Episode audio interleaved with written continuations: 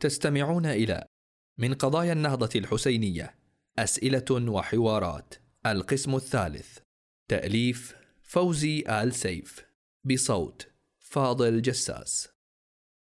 مقدمة منذ أن وفق الله وشعرت بأن بإمكان هذه الأنامل أن تخط شيئا من الورق كان يراودني شوق إلى الكتابة عن الإمام الحسين عليه السلام وعن نهضته.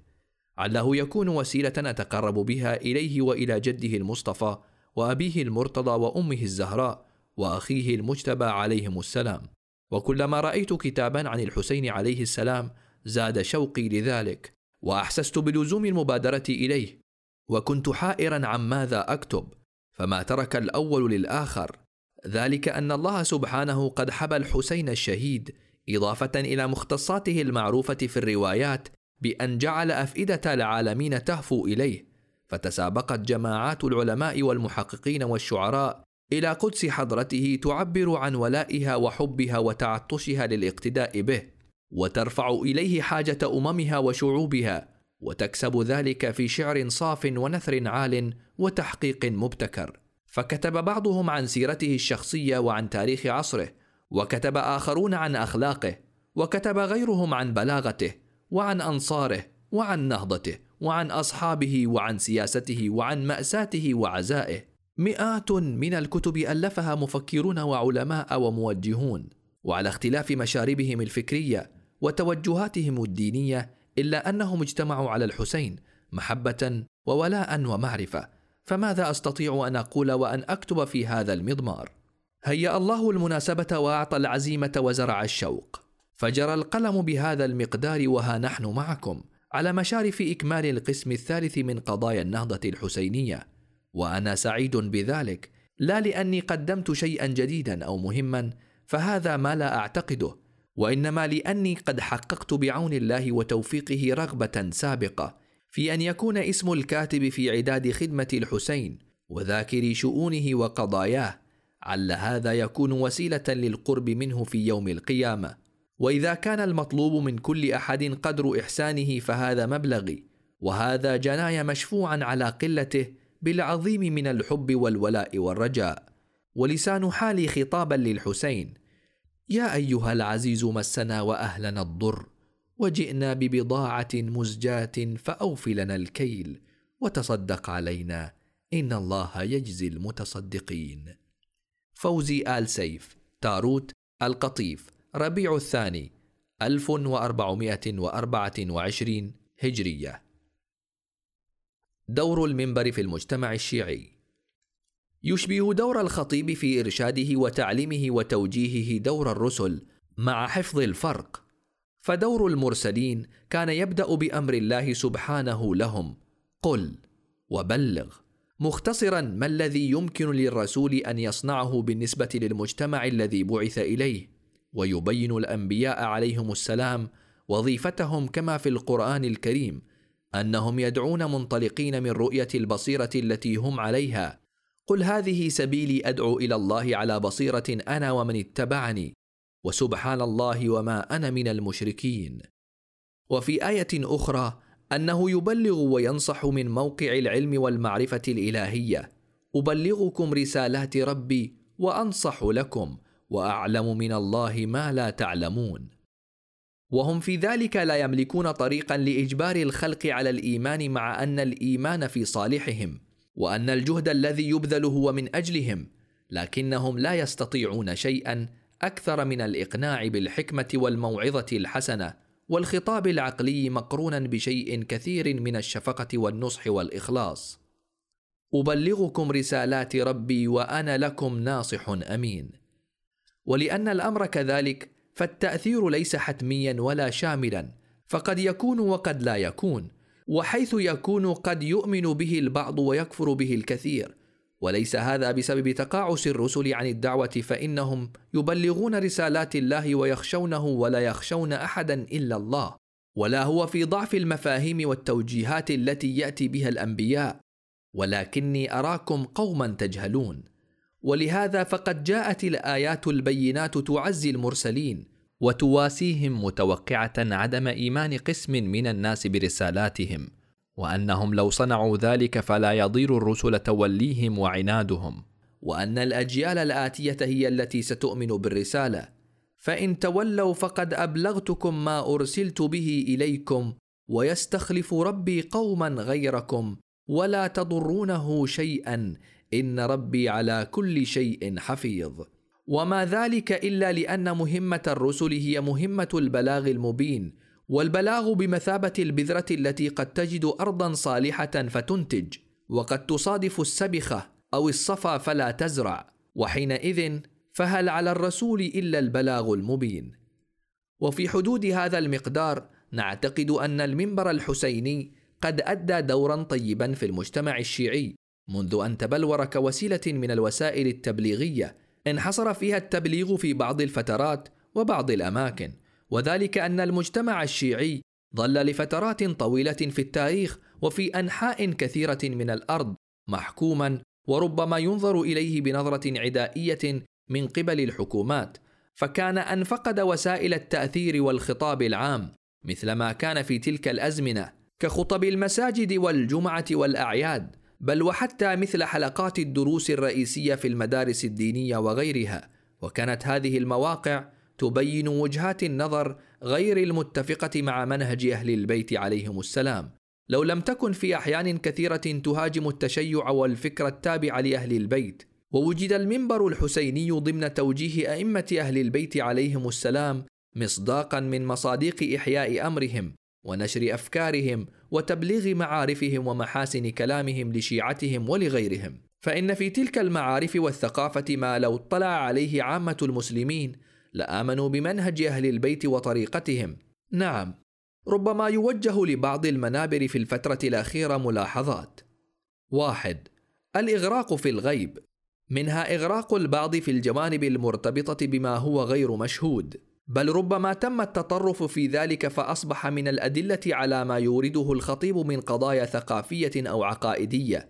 عدد من المنامات التي رآها العالم الفلاني والزاهد الفلاني أو بعض المكاشفات العرفانية التي تحصل للبعض. وهذا يعتبر في نظر كثير من المحققين والمفكرين اتجاها غير سليم.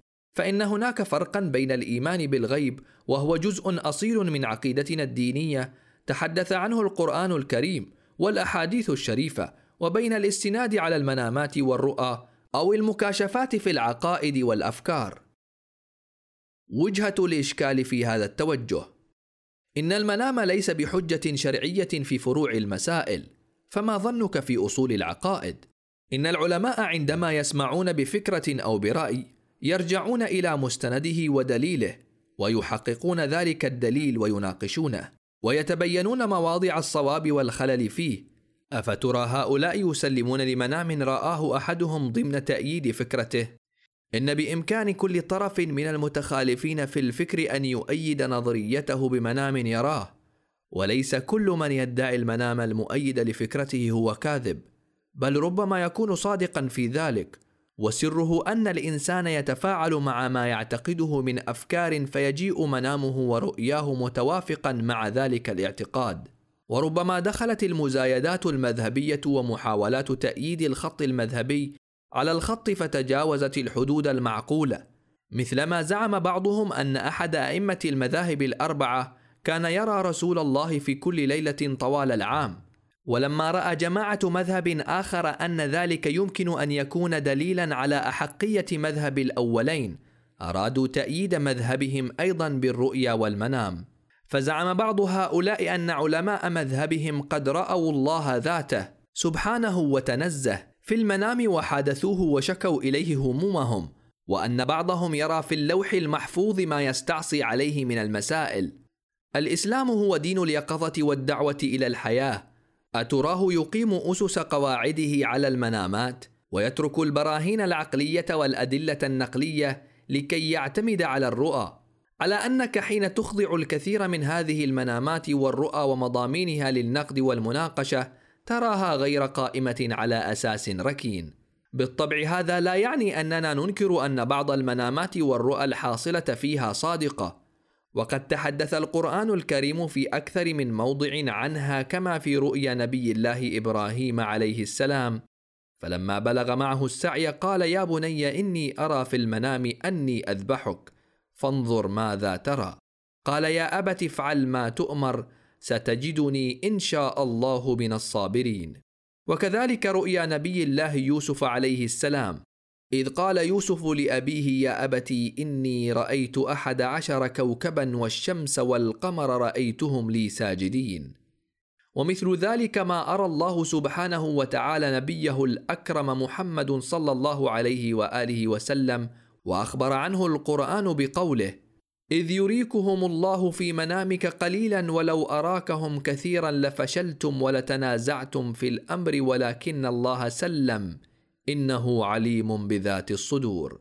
وفي قوله تعالى لقد صدق الله رسوله الرؤيا بالحق لتدخلن المسجد الحرام إن شاء الله آمنين محلقين رؤوسكم ومقصرين لا تخافون فعلم ما لم تعلموا فجعل من دون ذلك فتحا قريبا. بل حتى رؤى بعض العلماء والصالحين فلا يمكن رد كل هذه القضايا وإلا كان أشبه بإنكار ما عليه الوجدان. ولكن الكلام في سعة هذه الدائرة حتى اختلط فيها الصحيح بالسقيم. والكلام في أن تخرج هذه الرؤى من كونها في جانب وعظي أخلاقي قد لا نحتاج فيه إلى كثير من التحقيق والتدقيق لابتنائه على التسامح إلى أن تصبح أدلة في أصول العقائد وفي بيان المعارف الدينية. إننا في نفس الوقت الذي نعتقد فيه بوجود هذا النوع من الرؤى الصادقة إلا أننا نخالف أن تأخذ الأحلام كل هذا الدور فتصبح أصلا تؤسس عليه العقائد والثقافة والفكر وتحتل هذه المساحة الكبيرة في التوجيه. اثنان التطرف في الطرح الطائفي ومنها التوجه الحاد في الطرح الطائفي السلبي. ولأن هذه القضية ذات أهمية خاصة فإن من المناسب أن نوضحها ضمن النقاط التالية. واحد لا يرتاب أحد في أن من أهم القضايا التي يعتمد عليها المنبر هو تشكيل وتقوية الولاء والانتماء إلى منهج أهل البيت عليهم السلام فإن هذا من مقومات إحياء الأمر. وبدونه لا يكون للمنبر الحسيني خصوصية على غيره من المنابر الإعلامية الأخرى. بل يمكن القول إنه بدونه يفقد رسالته الأساسية. اثنان إن طريقة تشكيل الولاء والانتماء لمنهج أهل البيت عليهم السلام لها من الأهمية ما للأصل بحيث يبدو أحيانا أنه مع استخدام أحدهم طريقة غير مناسبة يكون من الأجدى تركه الدعوة والتبليغ بمنهجهم كما يستفاد ذلك من بعض الروايات. فقد يكون إنسانا بطريقته شينا على أهل البيت ويؤدي عكس الغرض المطلوب. ويكون من المناسب حينئذ أن يكف عن دعوة الناس لهذا الأمر. ثلاثة. إن الحكمة تقتضي أن يأخذ المتكلم بنظره ظروف الزمان والمكان الذي يعيش فيه والأشخاص الذين يستمعون إليه. أو يصل إليهم في العادة صوته. وهذا مما يستفاد من أوامر التقية التي هي نصف الدين بل هي الدين أي الطريقة والمنهج. ولذلك فان ما يكون مناسبا في مكان قد يكون ضارا في مكان آخر وما يكون واجبا مع قوم يكون حراما مع آخرين. فما كل ما يعلم يقال ولا كل ما يقال حان وقته ولا كل ما حان وقته حضر أهله. ولذلك فإن الحديث العنيف الحاد ضد بعض طوائف المسلمين بالرغم من أن بعض أولئك يصنعونه ليس مما ينفع منهج أهل البيت عليهم السلام وليس معنى ذلك أن يمدح الباطل ويمجد الخلل وإنما يناقشون مناقشة هادئة هادفة في الأفكار وبيان ما فيها من نقاط الالتقاء والإفتراق وبيان الخلل والخطأ الموجود فيها. ويستفاد هذا من كلام أمير المؤمنين عليه السلام القائل لأصحابه. إني أكره لكم أن تكونوا سبابين ولكن لو وصفتم أعمالهم وذكرتم حالهم كان أصوب في القول وأبلغ في العذر وقلتم مكان سبكم إياهم. اللهم احقن دماءنا ودماءهم وأصلح ذات بيننا وبينهم واهدهم من ضلالتهم حتى يعرف الحق من جهله ويرعوي عن الغي والعدوان من لهج به. فإنه عليه السلام مع كونه مع أهل الشام في حالة حرب وهي أشد الحالات عنفا بين فريقين وما دونها من السب أو الشتم يعتبر هينا بالقياس إليها. ولكن الإمام في ذلك الوضع يحرص على الجانب الأخلاقي ويجنب أصحابه الآثار السيئة للشتم والسب. فإن ذكر الصفات غير الحسنة كانعدام الوعي والطاعة في الباطل وغيرها مما كان موجودا في أهل الشام يصنع حصانة عند الطرف الناقد من الوقوع فيه عادة وفي نفس الوقت الدعوة إلى أن تحقن دماء الفريقين. وسؤال الله لهم الهداية من الضلال يرفع الإنسان الداعي إلى قيم مناقبية عالية. أربعة. إن من السهل على المتكلم أن يفرغ مخزونه النفسي ضد هذه الجهة أو تلك جماعة كانت أو طائفة أو مذهبا ولكن السؤال هو عن حجم الآثار الاجتماعية التي يخلقها مثل ذلك السلوك وفي المجتمعات الخليطة ذات المذاهب المتعددة والطوائف المختلفة يبدو أن مثل هذا الأمر ينذر بحدوث الكوارث الداخلية فإن الحرب أولها الكلام والتعبئة التي تقابلها تعبئة مضادة إلى أن تنتهي إلى الاصطدام. والحقيقة أن هناك خيطا رفيعا يفصل بين الحالة المبدئية ولزوم التمسك بالمعتقدات وبين الحالة النفسية التي تفيض بمخزونها وتصنع الحرب.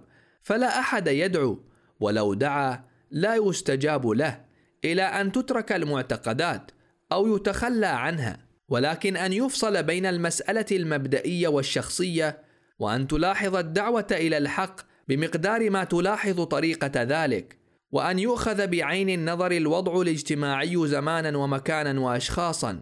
ونعود ونكرر لا يعني ذلك التخلي عن المسلمات الاعتقادية ولا يعني أيضا تمييع الفواصل الحقيقية لأجل ملاحظات اجتماعية وإنما يعني أن يلتزم المتكلم الحكمة في تبيين الأمور العقدية فيناقش بهدوء ويرد بحكمة ويوجه بتعقل.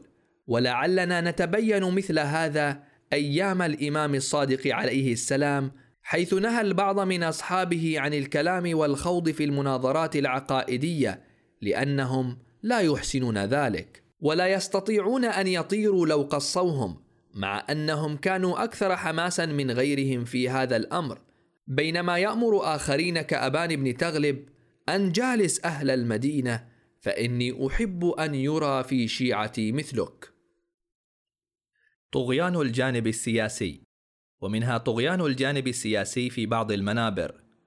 لا شك أن المنابر الحسينية قد قامت بدور كبير في حياة الناس عندما اقتربت من مشاكلهم وقضاياهم.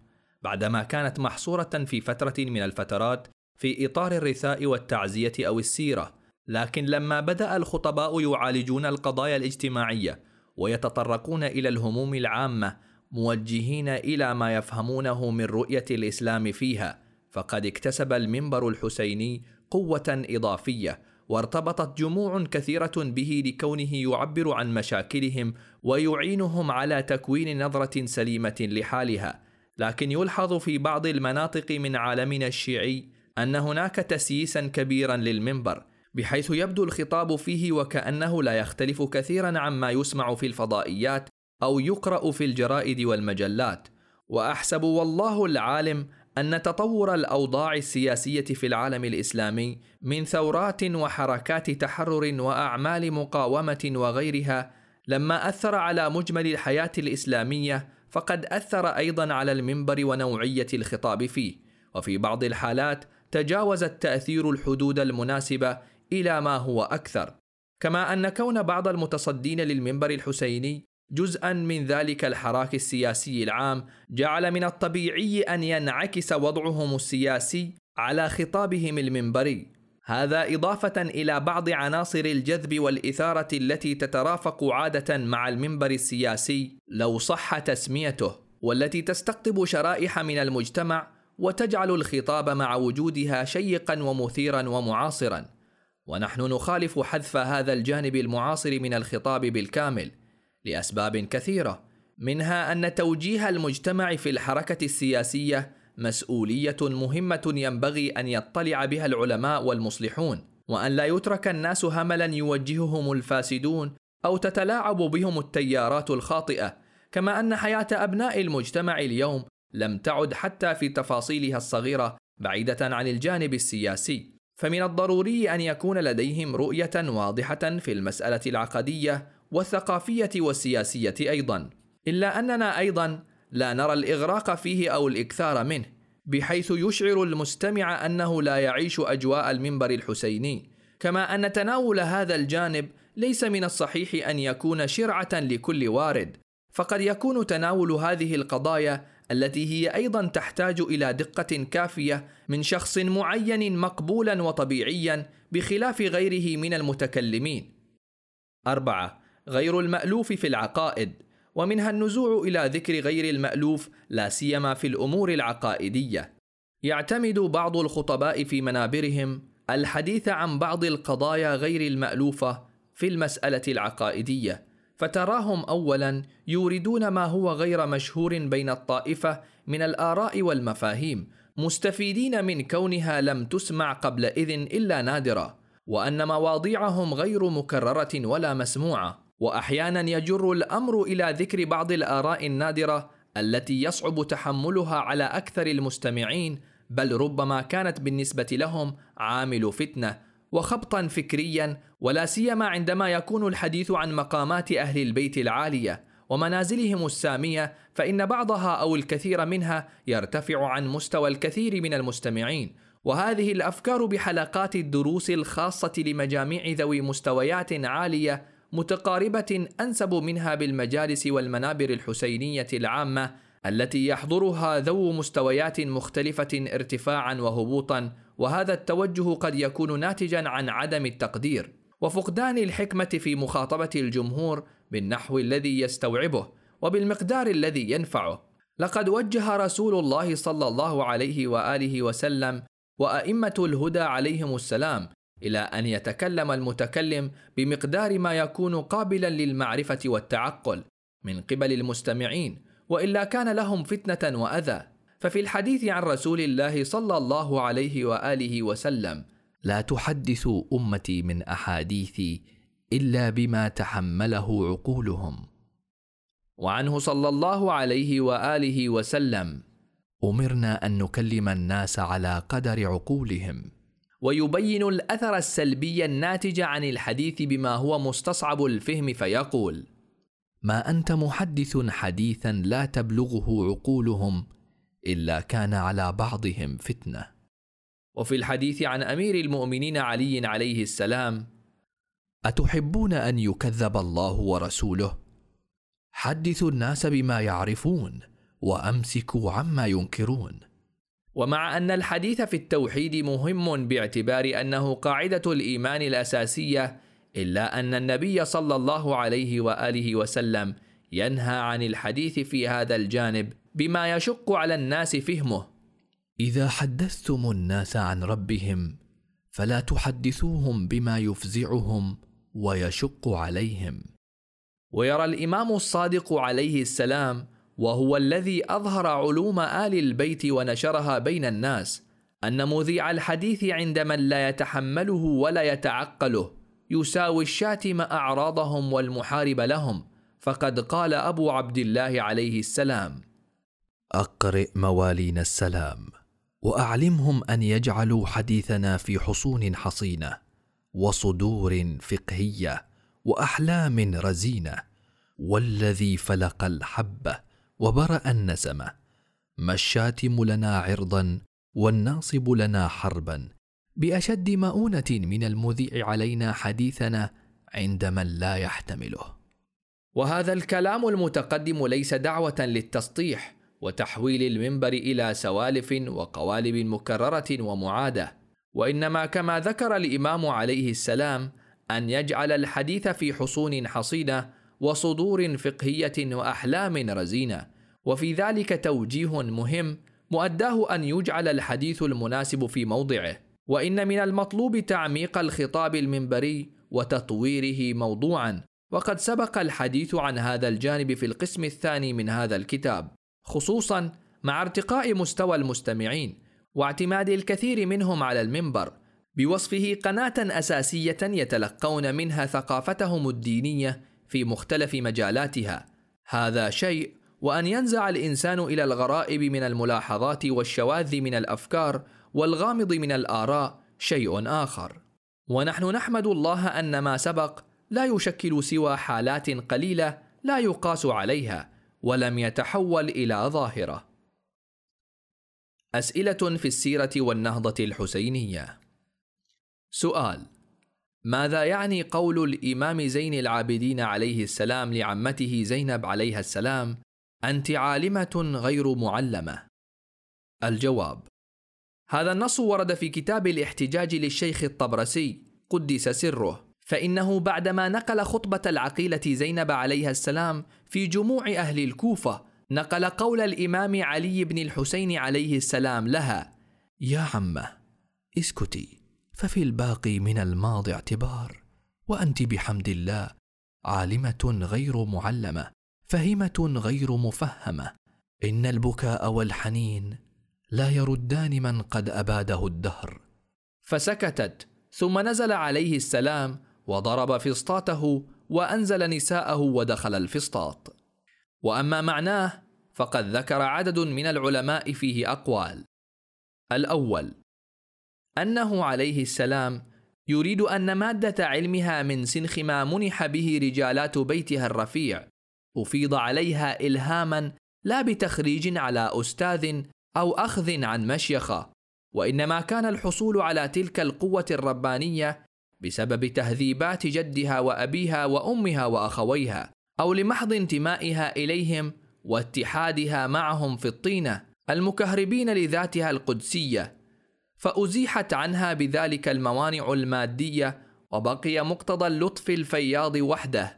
وإذ كان لا يتطرقه البخل بتمام معانيه عادت العلة لإفاضة العلم كله عليها بقدر استعدادها تامة فأفيض عليها بأجمعه إلا ما اختص به أئمة الدين عليهم السلام. من العلم المخصوص بمقامهم الأسمى على أن هناك مرتبة سامية لا ينالها إلا ذو حظ عظيم وهي الرتبة الحاصلة من الرياضات الشرعية والعبادات الجامعة لشرائط الحقيقة لا محض الظاهر الموفي لمقام الصحة والأجزاء فإن لها من الآثار الكشفية ما لا نهاية لأمدها.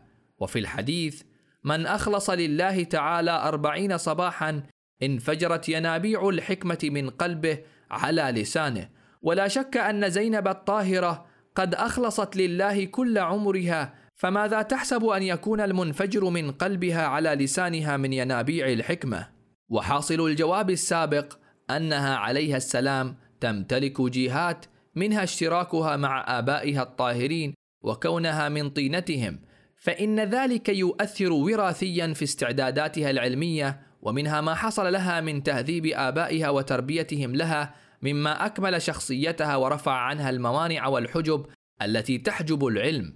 ومنها ما كان لها بنفسها من رياضات شرعية وعبادات دينية وهذه تؤثر في تعرف الإنسان على الحقائق ومع إخلاصها لله طوال عمرها تكون ينابيع الحكمة قد تفجرت في داخل قلبها. كل تلك العوامل أكملت علل إفاضة العلم الإلهي على قلبها ومع وجود الاستعداد والقابلية عندها وارتفاع الموانع منها أفيض عليها العلم إفاضة. ثانيا يحتمل أن يكون المقصود من ذلك الكلام المنقول عن زين العابدين عليه السلام أنها لم تتعلم على يد أحد أصلا وإنما علمها كعلم آبائها غير اكتسابي. لكن يرد على هذا الاحتمال أنه ثبت أن المعصومين عليهم السلام قد أخذوا عن آبائهم فإن أمير المؤمنين عليه السلام وهو من هو في العلم قد أخذ عن رسول الله صلى الله عليه وآله وسلم. وروي عنه أنه قال علمني ألف باب من العلم ينفتح لي من كل باب ألف باب وأن الحسن عليه السلام قد أخذ عن أبيه وعلمه أبوه كما ورد في وصيته إليه المذكورة في نهج البلاغة. ورأيت حيث عناني من أمرك ما يعني الوالد الشفيق وأجمعت عليه من أدبك أن يكون ذلك وأنت مقبل العمر ومقتبل الدهر. ذو نية سليمة ونفس صافية وأن أبتدئك بتعليم كتاب الله وتأويله وشرائع الإسلام وأحكامه وحلاله وحرامه. لا أجاوز ذلك بك إلى غيره. وقد ورد أنها أخذت عن أبيها عليه السلام كما ورد في تعليمها تأويل آية كاف هايا عين صاد حيث أخبرها أبوها كما ورد في بعض المرويات التاريخية أنها كانت تفسر القرآن الكريم فلما وصلت إلى سورة مريم وبدأت في تفسير أولها أخبرها بتأويلها. ولا يعتقد أن المعصومين عليهم السلام يأخذ بعضهم عن بعض بينما لا تأخذ عليها السلام عن أحد منهم. الاحتمال الثالث أن يكون المقصود من أنها غير معلمة أنها لا تتعلم إلا على يد المعصومين. ولم تأخذ العلم إلا من أبيها وأمها وأخويها. وفائدة ذلك أن ما عند الناس غير المعصومين خليط من الصواب والخطأ والحق والباطل وليس بالضرورة أن يطابق الواقع.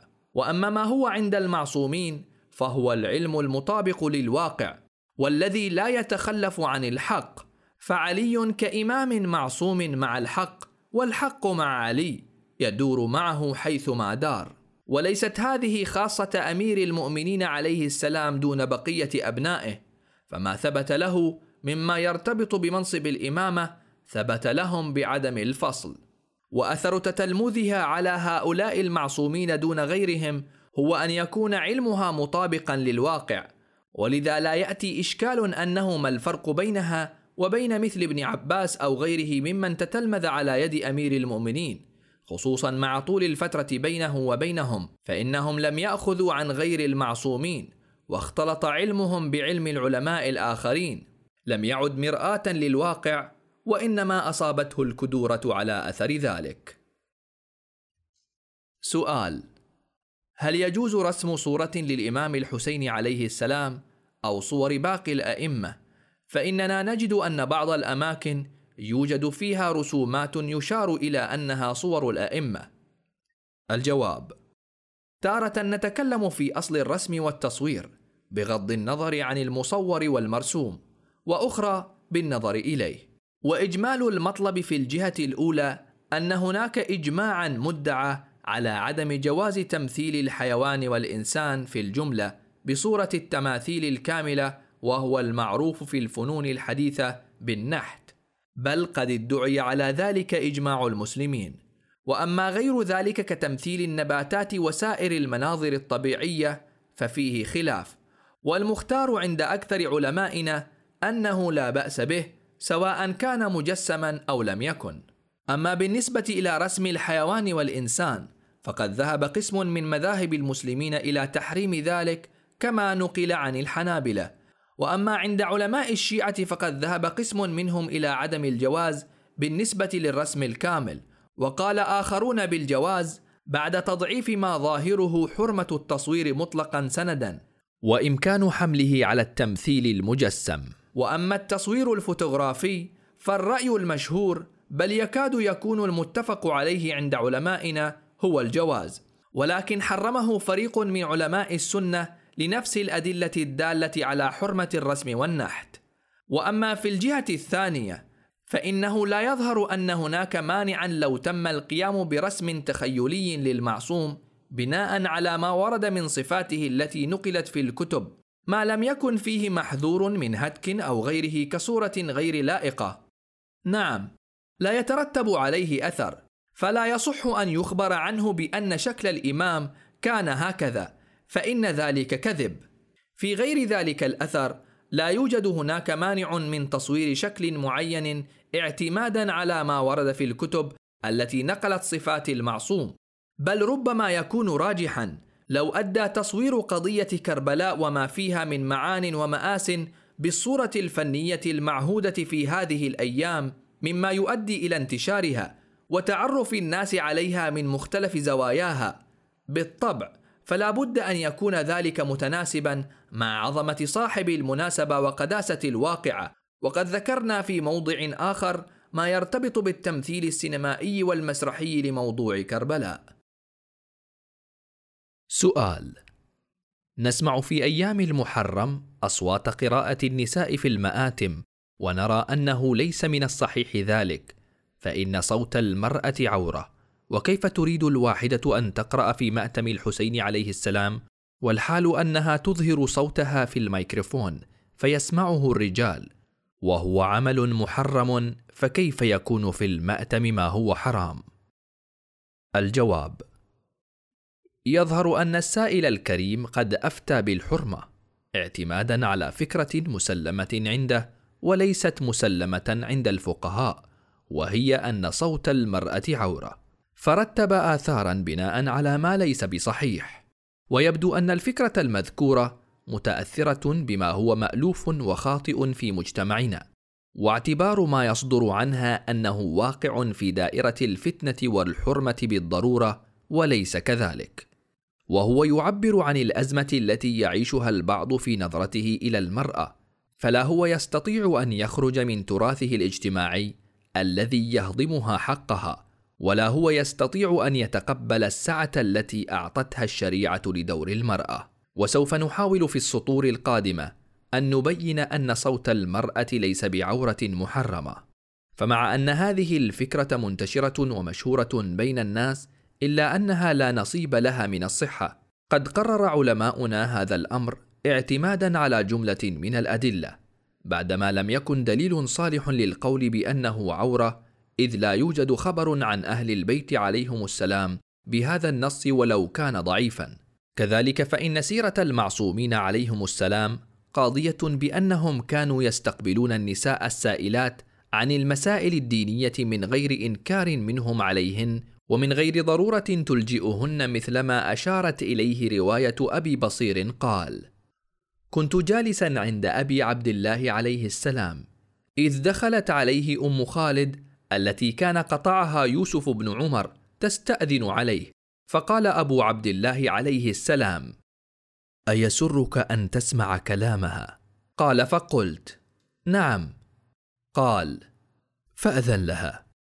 قال وأجلسني معه على الطنفسة.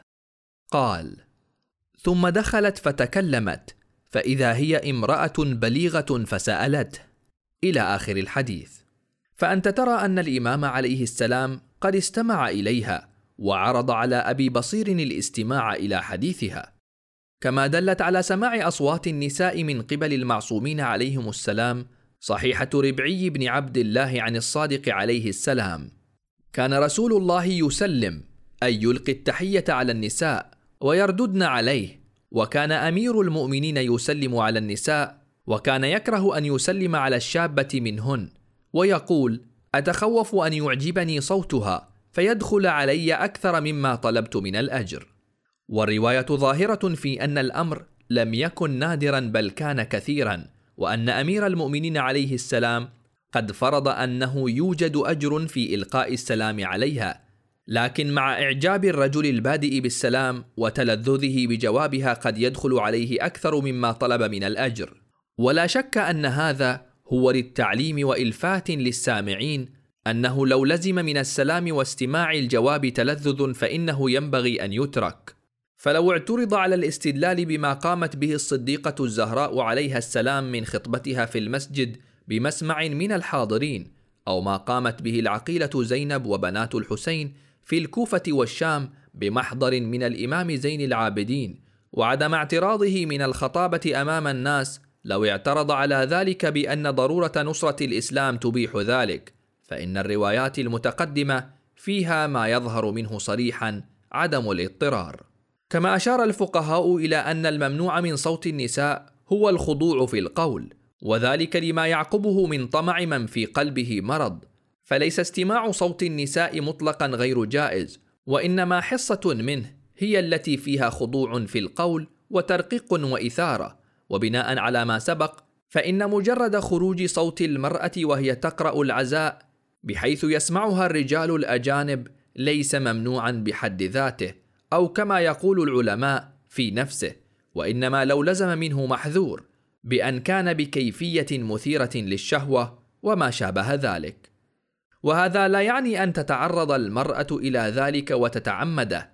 فإنه لا ينسجم مع الرسالة التي يريد المنبر الحسيني إبلاغها للناس من إيجاد جو عام من العفة والتنزه عما يوجب الإثارة. كما لا يصح أن يطلق العنان لمكبرات الصوت لكي ترج البلدة بصوت النساء بل ولا بصوت الرجال أيضا. فإن للجيران وللمرضى ولعامة الناس حقوقا لا يستطيع الخطيب ولا الخطيبة تجاوزها. نعم. ما جرت العادة عليه سواء في الوقت أو في الصوت قد لا يكون في حيز المنع. سؤال ما هو الموقف تجاه يزيد بن معاوية؟ هل يجوز لعنه مثلا أو لا يجوز ذلك؟ فإننا نجد اختلافا بين المسلمين. الجواب في موضوع يزيد بن معاوية يوجد اتجاهان بين المسلمين. الأول وهو اتجاه محدود يذهب إلى أنه لا يصح لعنه ولا يجوز ولهم في ذلك توجيهات خلاصتها كالتالي لم يثبت أنه قد قتل الحسين وإنما كان مخالفا لذلك ولم يثبت منه فسق أو كفر يوجب لعنه.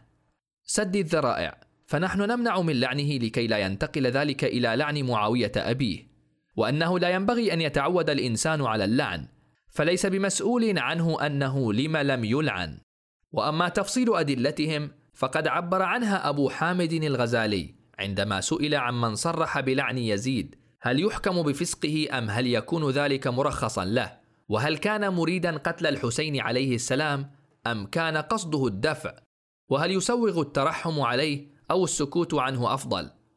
فأجاب لا يجوز لعن المسلم أصلا ومن لعن مسلما فهو الملعون. وقد قال رسول الله صلى الله عليه وآله وسلم المسلم ليس بلعان ولا يجوز لعن البهائم وقد ورد النهي عن ذلك وحرمة المسلم أعظم من حرمة الكعبة بنص النبي صلى الله عليه وآله وسلم ويزيد صح إسلامه وما صح قتله الحسين ولا أمره ولا رضاه بذلك ومهما لم يصح ذلك منه لا يجوز أن يظن ذلك به فإن إساءة الظن بالمسلم حرام. ومن زعم أن يزيد أمر بقتل الحسين أو رضي به فينبغي أن يعلم أن به غاية الحماقة. فإن من قتل من الأكابر والوزراء والسلاطين في عصره لو أراد أن يعلم حقيقة من الذي أمر بقتله أو من الذي رضي به ومن الذي كرهه لم يقدر على ذلك. وإن كان قد قتل في جواره وزمانه وهو يشاهده فكيف ولو كان في بلد بعيد وفي زمن قديم قد انقضى؟ فكيف يعلم ذلك في من قضى عليه قريب من أربعمائة سنة في مكان بعيد؟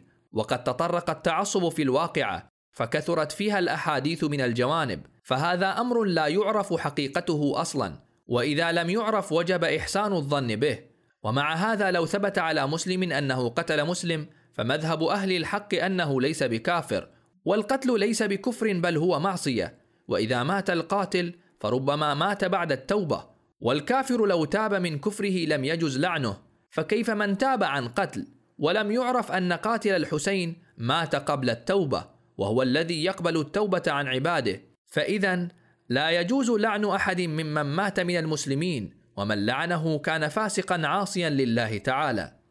ولو جاز لعنه فسكت عنه لم يكن عاصيا بالإجماع بل لو لم يلعن إبليس طول عمره لا يقال له في القيامة لم لا تلعن إبليس؟ ويقال للاعن لم لعنت؟ ومن أين عرفت أنه مطرود ملعون؟ والملعون هو المبعد من الله عز وجل وهو غيب لا يعرف إلا في من مات كافرا فإن ذلك علم بالشرع. وأما الترحم عليه فهو جائز بل مستحب بل هو داخل في قولنا في كل صلاة. اللهم اغفر للمؤمنين والمؤمنات فإنه كان مؤمنا والله أعلم كتبه الغزالي. في الصواعق المحرقة لابن حجر لا يجوز لعن يزيد ولا تكفيره فإنه من جملة المؤمنين وأمره إلى مشية الله إن شاء عذبه وإن شاء عفى عنه. وقال التفتازاني الحنفي في شرح المقاصد عن منعهم لعن يزيد فإن قيل من علماء المذهب من لم يجوز اللعن على يزيد مع علمهم بأنه يستحق ما يربو على ذلك ويزيد قلنا تحاميا أن يرتقى من الأعلى فالأعلى. والتوجه الثاني بين المسلمين وهو المشهور بينهم يرى جواز لعنه ويستدل على ذلك بأمور. إن من يفعل ذلك يتبع فيه القرآن الكريم حيث لم يوفر حظا للكافرين والفاسقين والظالمين ولم يدخر وسعا في التأكيد على لعنهم. ويظهر أن أمر لعن الكافرين والفاسقين والظالمين الهادف لإيجاد الفاصل النفسي والحاجز القلبي بين المؤمن بالديانة السماوية وبين تلك الفئات المنحرفة. ليس من مختصات هذه الرسالة بل كان موجودا في سائر الرسالات السماوية أيضا فالقرآن يتحدث عن لعن أنبياء بني إسرائيل للكافرين فيقول لعن الذين كفروا من بني إسرائيل على لسان داود وعيسى بن مريم ذلك بما عصوا وكانوا يعتدون.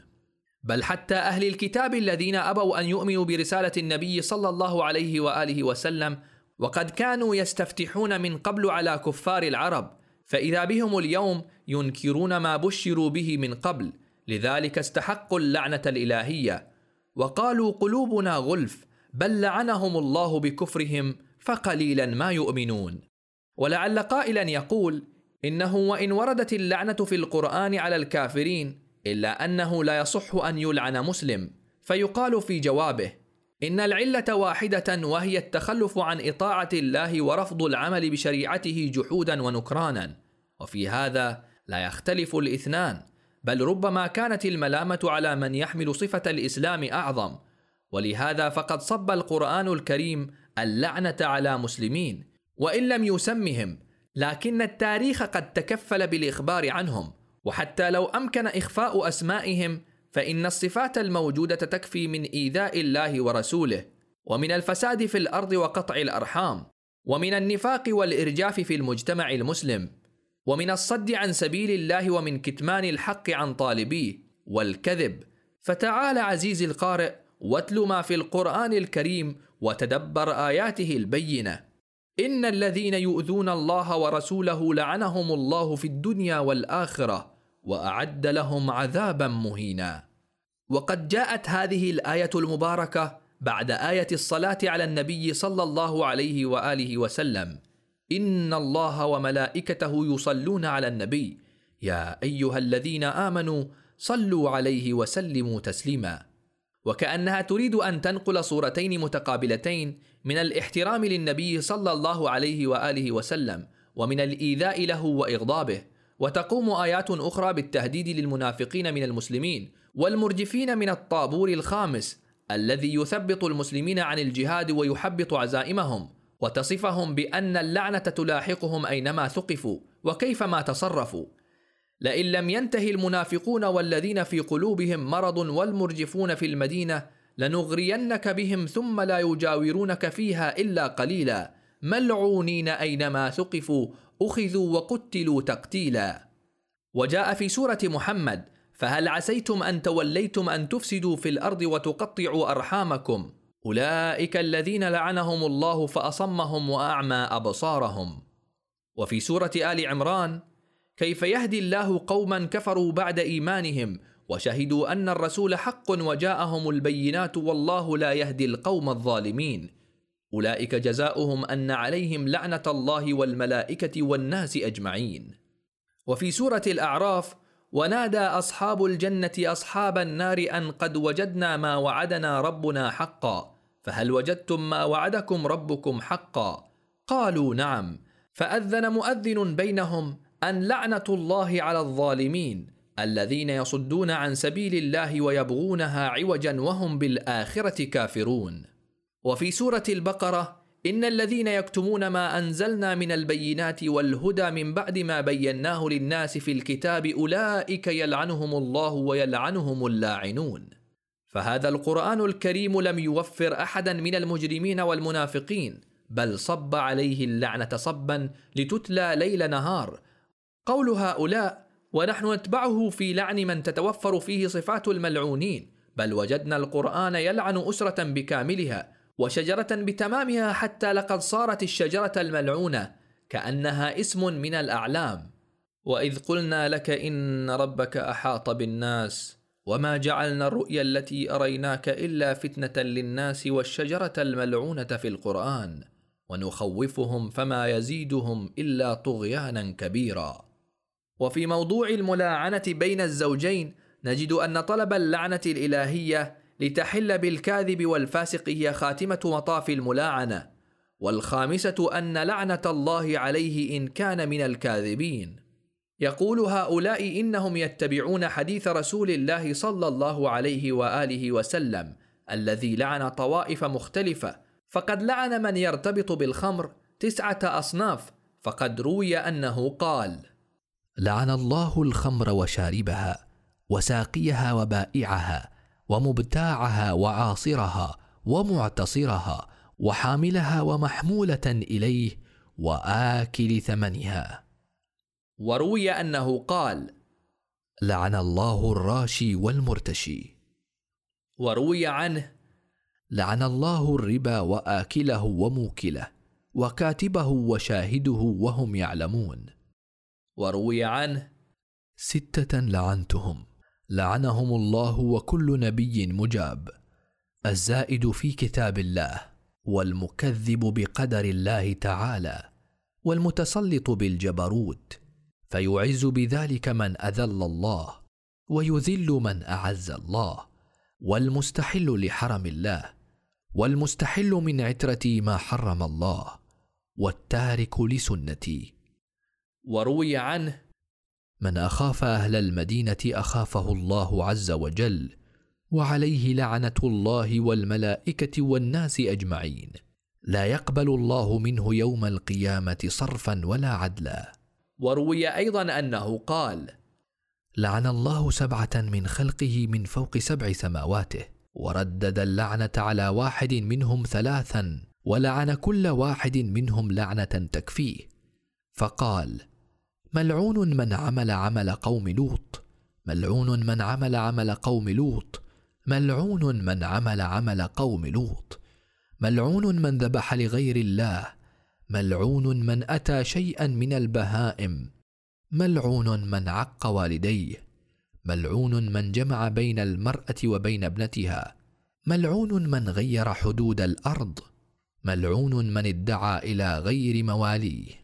وقد ذكر أن الإمام الحسن المجتبى عليه السلام قد استشهد بلعن رسول الله صلى الله عليه وآله وسلم لعدد من صحابته كما في المناظرة التي نقلها الطبراني في المعجم الكبير حيث قال: ثم صعد المغيرة بن شعبة فحمد الله وأثنى عليه، ثم وقع في علي رضي الله عنه، ثم قيل للحسن بن علي: اصعد، فقال لا أصعد ولا أتكلم حتى تعطوني إن قلت حقا أن تصدقوني وإن قلت باطلا أن تكذبوني.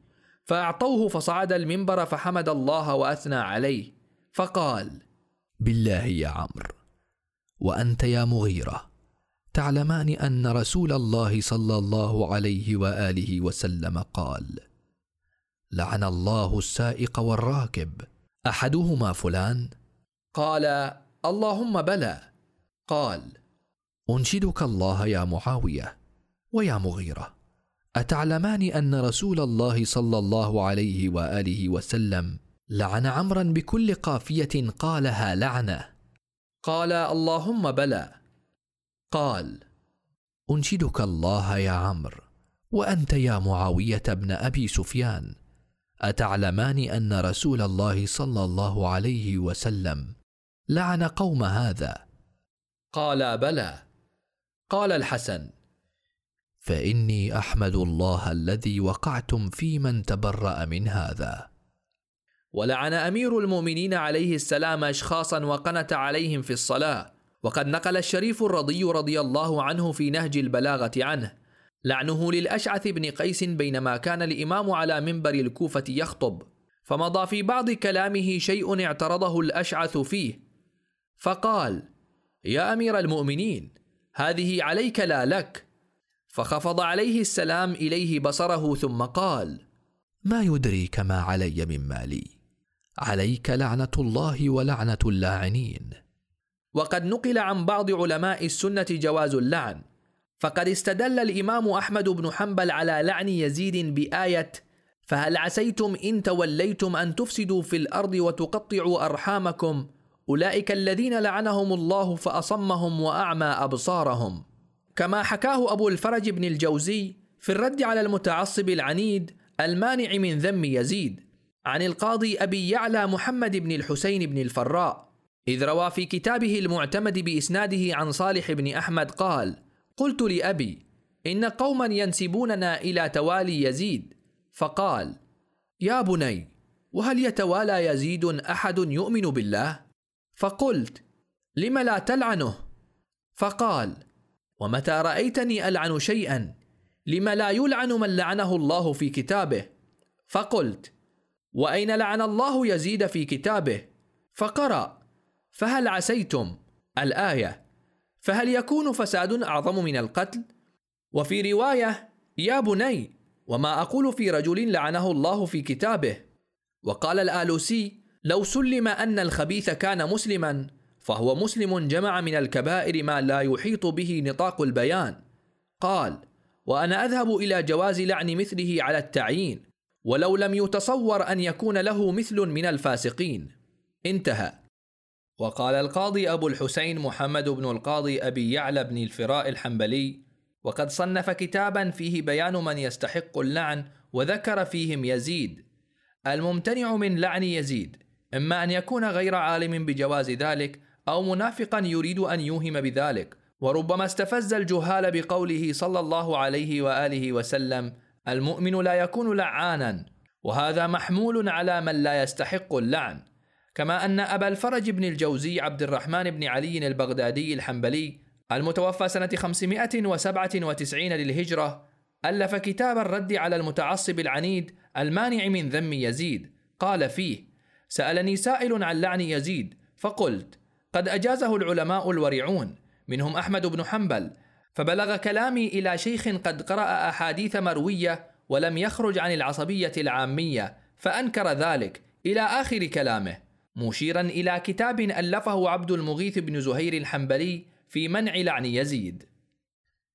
لماذا يلعن الظالمون؟ إن من أهم مكونات الوعي والفكر لدى الإنسان معرفته التاريخية وما يحمله من قصص سابقة وأحاديث عن حياة الماضين من أمم ورجال ومتى ما كانت تلك المعرفة وافية وصحيحة فإن البناء الفكري لذلك الإنسان يكون صحيحا وسليما. ولذلك وجدنا حرص القرآن الكريم على استعراض جملة كبيرة من قصص السابقين من الأمم والأنبياء والطواغيت مع توجيه الأحداث بما يناسب الحالة الوعظية واستفادة العبرة. فهناك فرق بين إبراز صورة شخص على أنه قوي وصلب وأنه مسيطر على الأمور وبين إبراز صورته باعتباره طاغوتا ظالما. ومع الأسف فإن الصورة المتوارثة في كتب التاريخ الإسلامي عن الأمويين والعباسيين على سبيل المثال هي صورة خلفاء الرسول وأمراء المؤمنين الحريصين على الإسلام وهي صورة كاذبة بلا ريب. ويصر هؤلاء الكتاب متعمدين في ذلك على نسبة تقدم المسلمين في المجالات المختلفة إلى الحاكم والسلطان فإذا فتح المسلمون بلادا فإنما هي فتوحات الخليفة، وإذا ازدهرت الحالة العلمية في بلاد المسلمين بجهود العلماء والمفكرين فإنما ذلك من إنجازاته ومميزات عصره. ويتطرف البعض حين ينسب إليه فضائل لا تنسجم معه، ويفصلون له ثوبا ليس على مقاسه. وقد أدى هذا الأمر إلى نشوء أجيال من المسلمين على ثقافة سلطوية تخديرية تدين الثائرين والمطالبين بحقوق أمتهم وكان من الطبيعي مع ثقافة التقديس للحاكم الأموي والعباسي أن يدان كل فعل معارض له وأن يعادى كل ثائر عليه. بتحديد الموقف من قضايا التاريخ وما جرى فيه والانتصاف للمظلومين والاحتكام على الظالمين والجائرين يمكن أن تنشئ معرفة صحيحة ويربى جيل جديد واع يستند على حقائق التاريخ ويكتسب منه حكمة ويتعلم سنة الله في الذين خلوا من قبل ولن تجد لسنة الله تبديلا.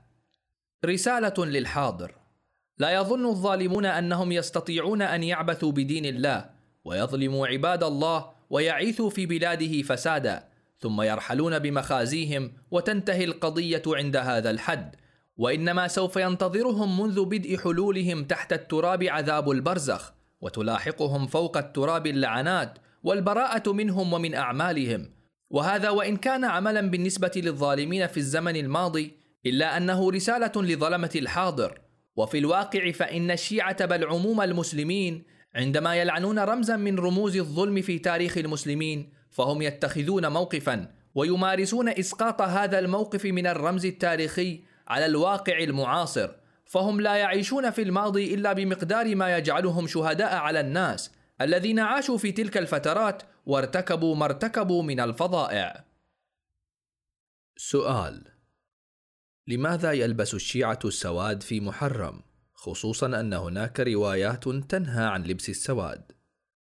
الجواب بحث علماؤنا المسألة في موارد متعددة منها في الصلاة حيث ذكروا أنه يكره الصلاة في السواد واستثنوا العمامة والكساء والخف وفي أبواب الحج في موضوع الإحرام في اللباس الأسود وأنه يكره فيه.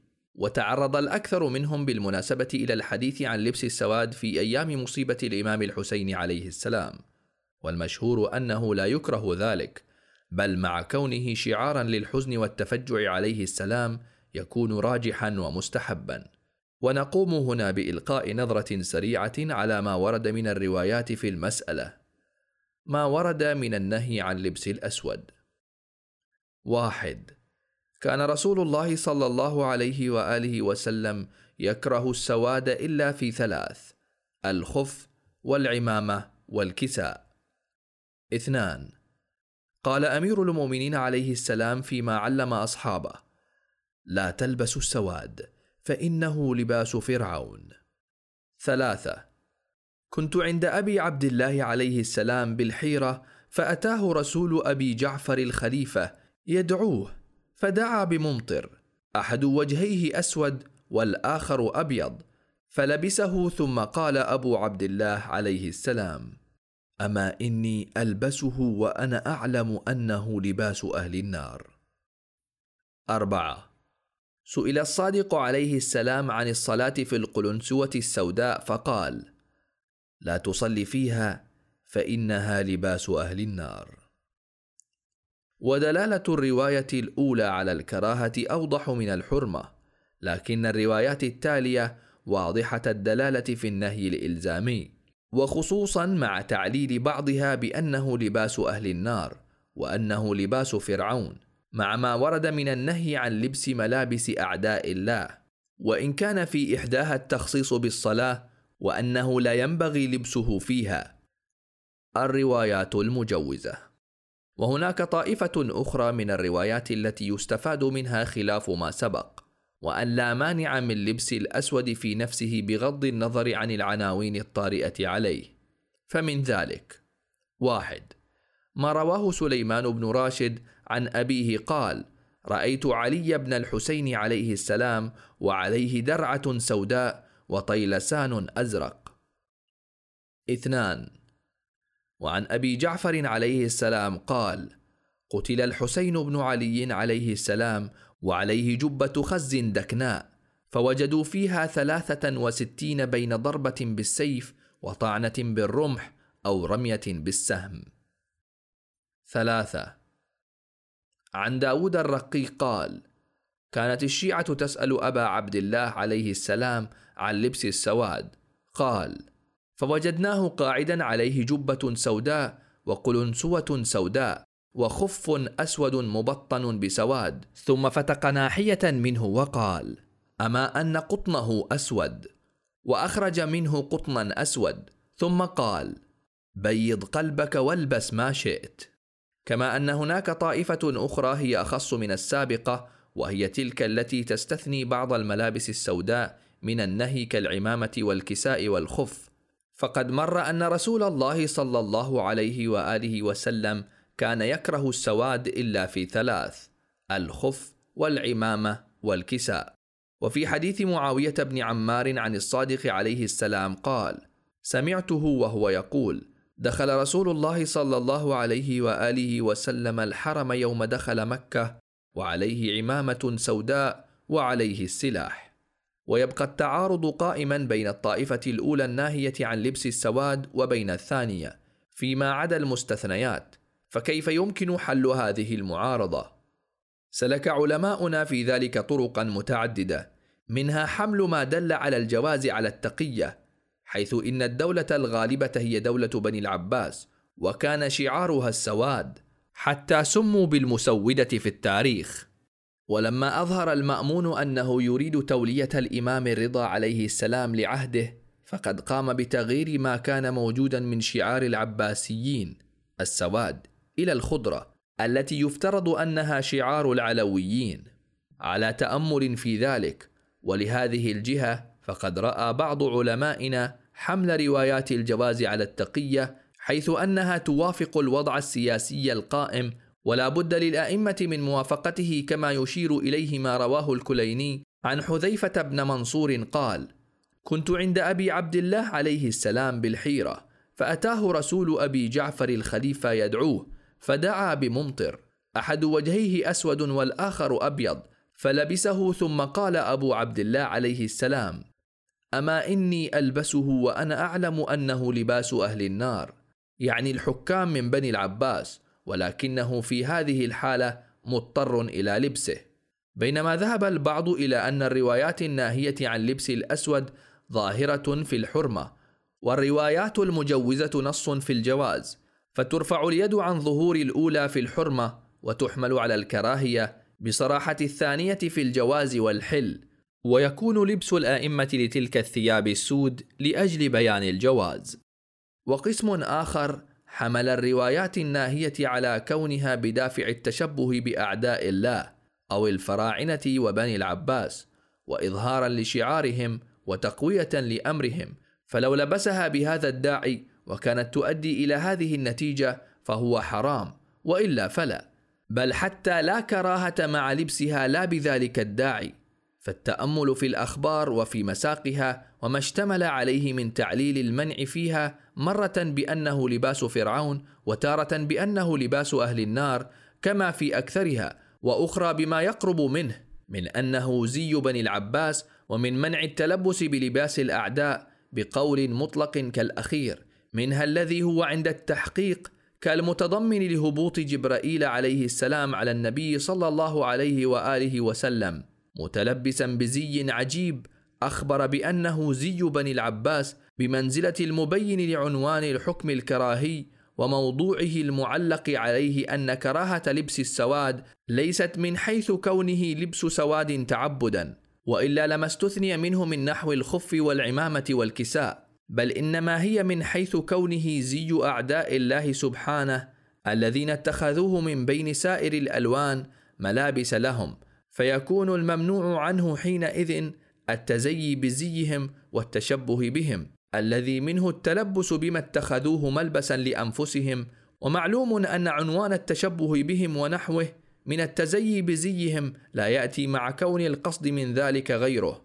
ولعل رواية داود الرقي بيض قلبك والبس ما شئت شاهد على ما سبق حيث أن التشبه لما كان لا يتم إلا مع القصد كان بياض القلب وسواده ونية التشبه وعدمها هو المؤثر لا مجرد اللبس وبالتالي يكون لبس الثياب السوداء من حيث الحكم الأولي لا مانع منه وإنما بالحكم الثانوي يكون مكروها أو حراما بناء على حرمة التشبه بأعداء الله وقد يكون مستحبا وراجحا إذا انطبق عليه عنوان ثانوي كالتأسف والحزن لما أصاب أهل البيت عليهم السلام.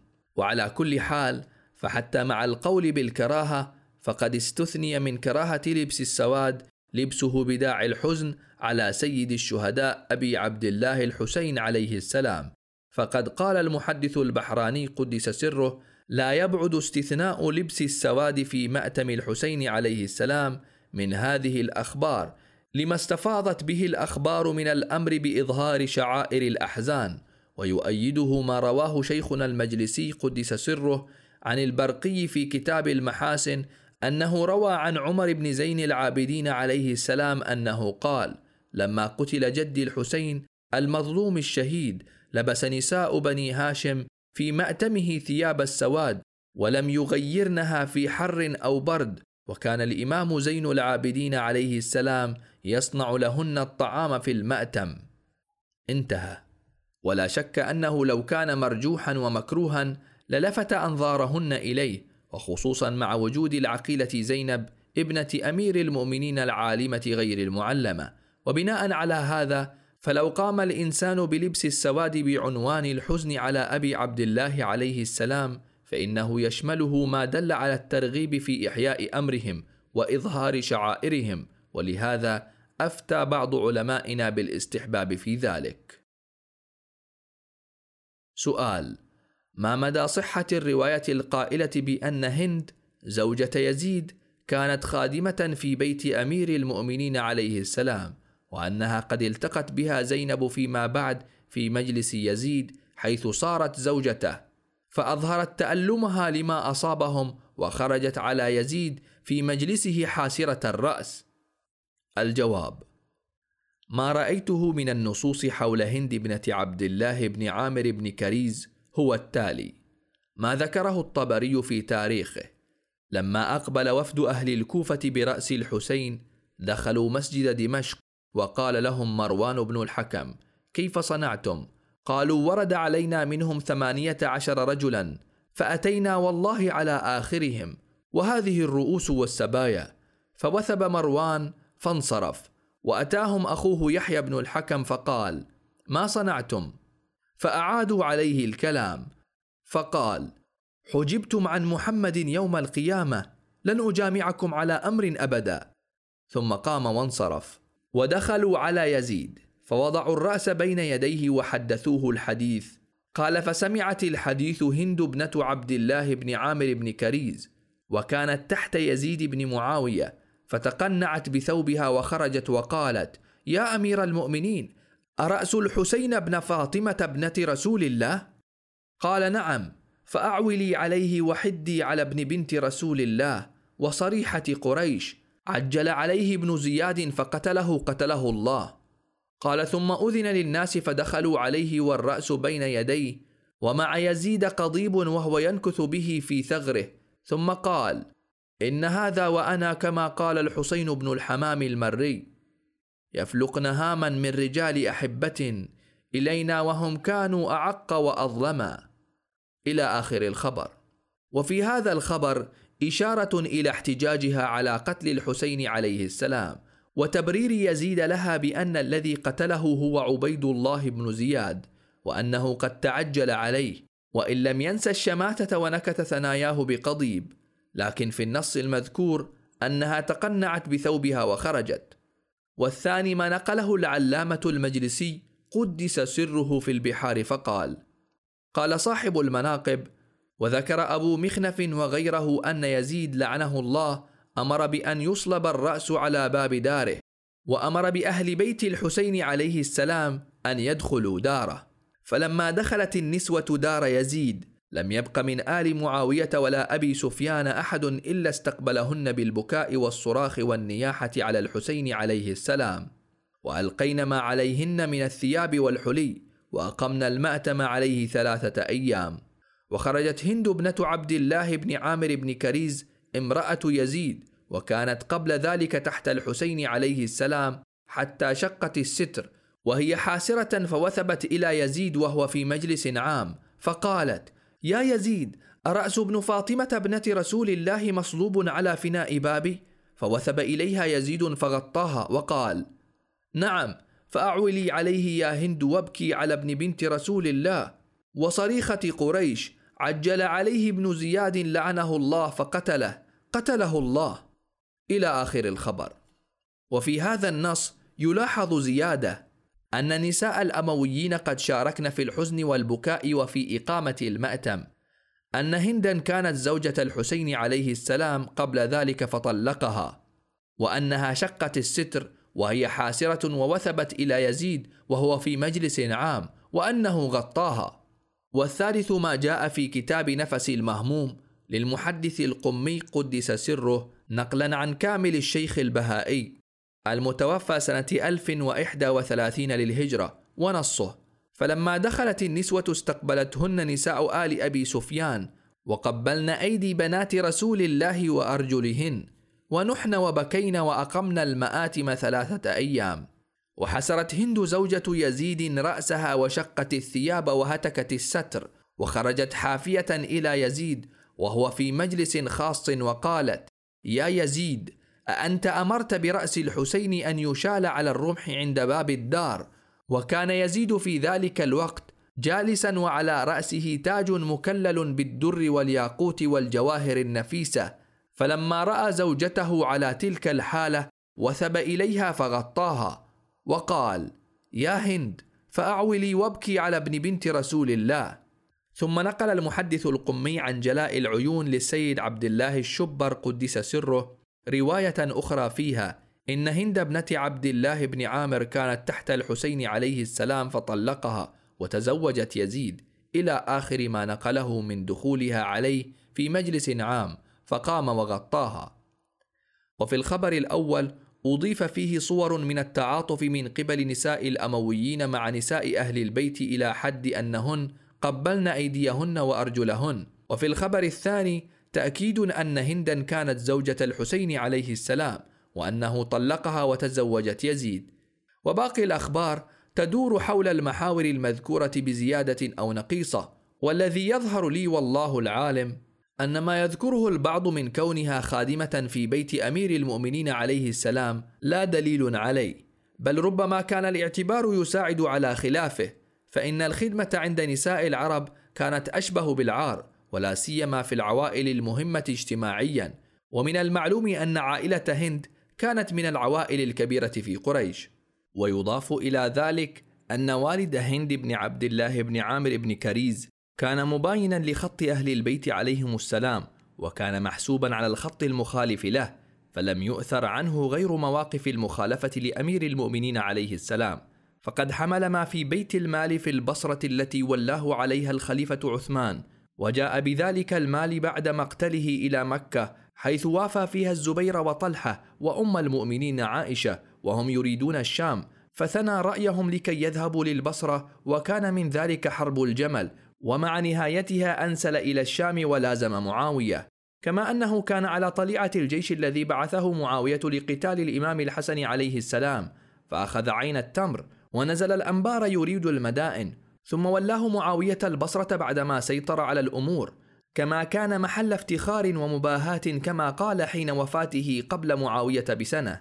وبالتالي فلا الظرف الاجتماعي يساعد على كون هند خادمة في بيت أمير المؤمنين عليه السلام الذي كانت فيه فضة خادمة وبقيت إلى ما بعد شهادة أمير المؤمنين. ولا الموقف العام والديني لعائلتها كان يساعد على ذلك. هذا على أنه لم ينقل ذلك في مصدر معتبر. اثنان كذلك الحال في أنها كانت زوجة للحسين عليه السلام فهو أيضا مما لا يقبل. فالمنقول في تاريخ الطبري أنها كانت تحت يزيد ولم يذكر أنها كانت زوجة الحسين والظاهر أن هناك اشتباها قد حصل. ذلك أن نساء الحسين عليه السلام معروفات بأسمائهن ولم تذكر بينهن هند ابنة عبد الله.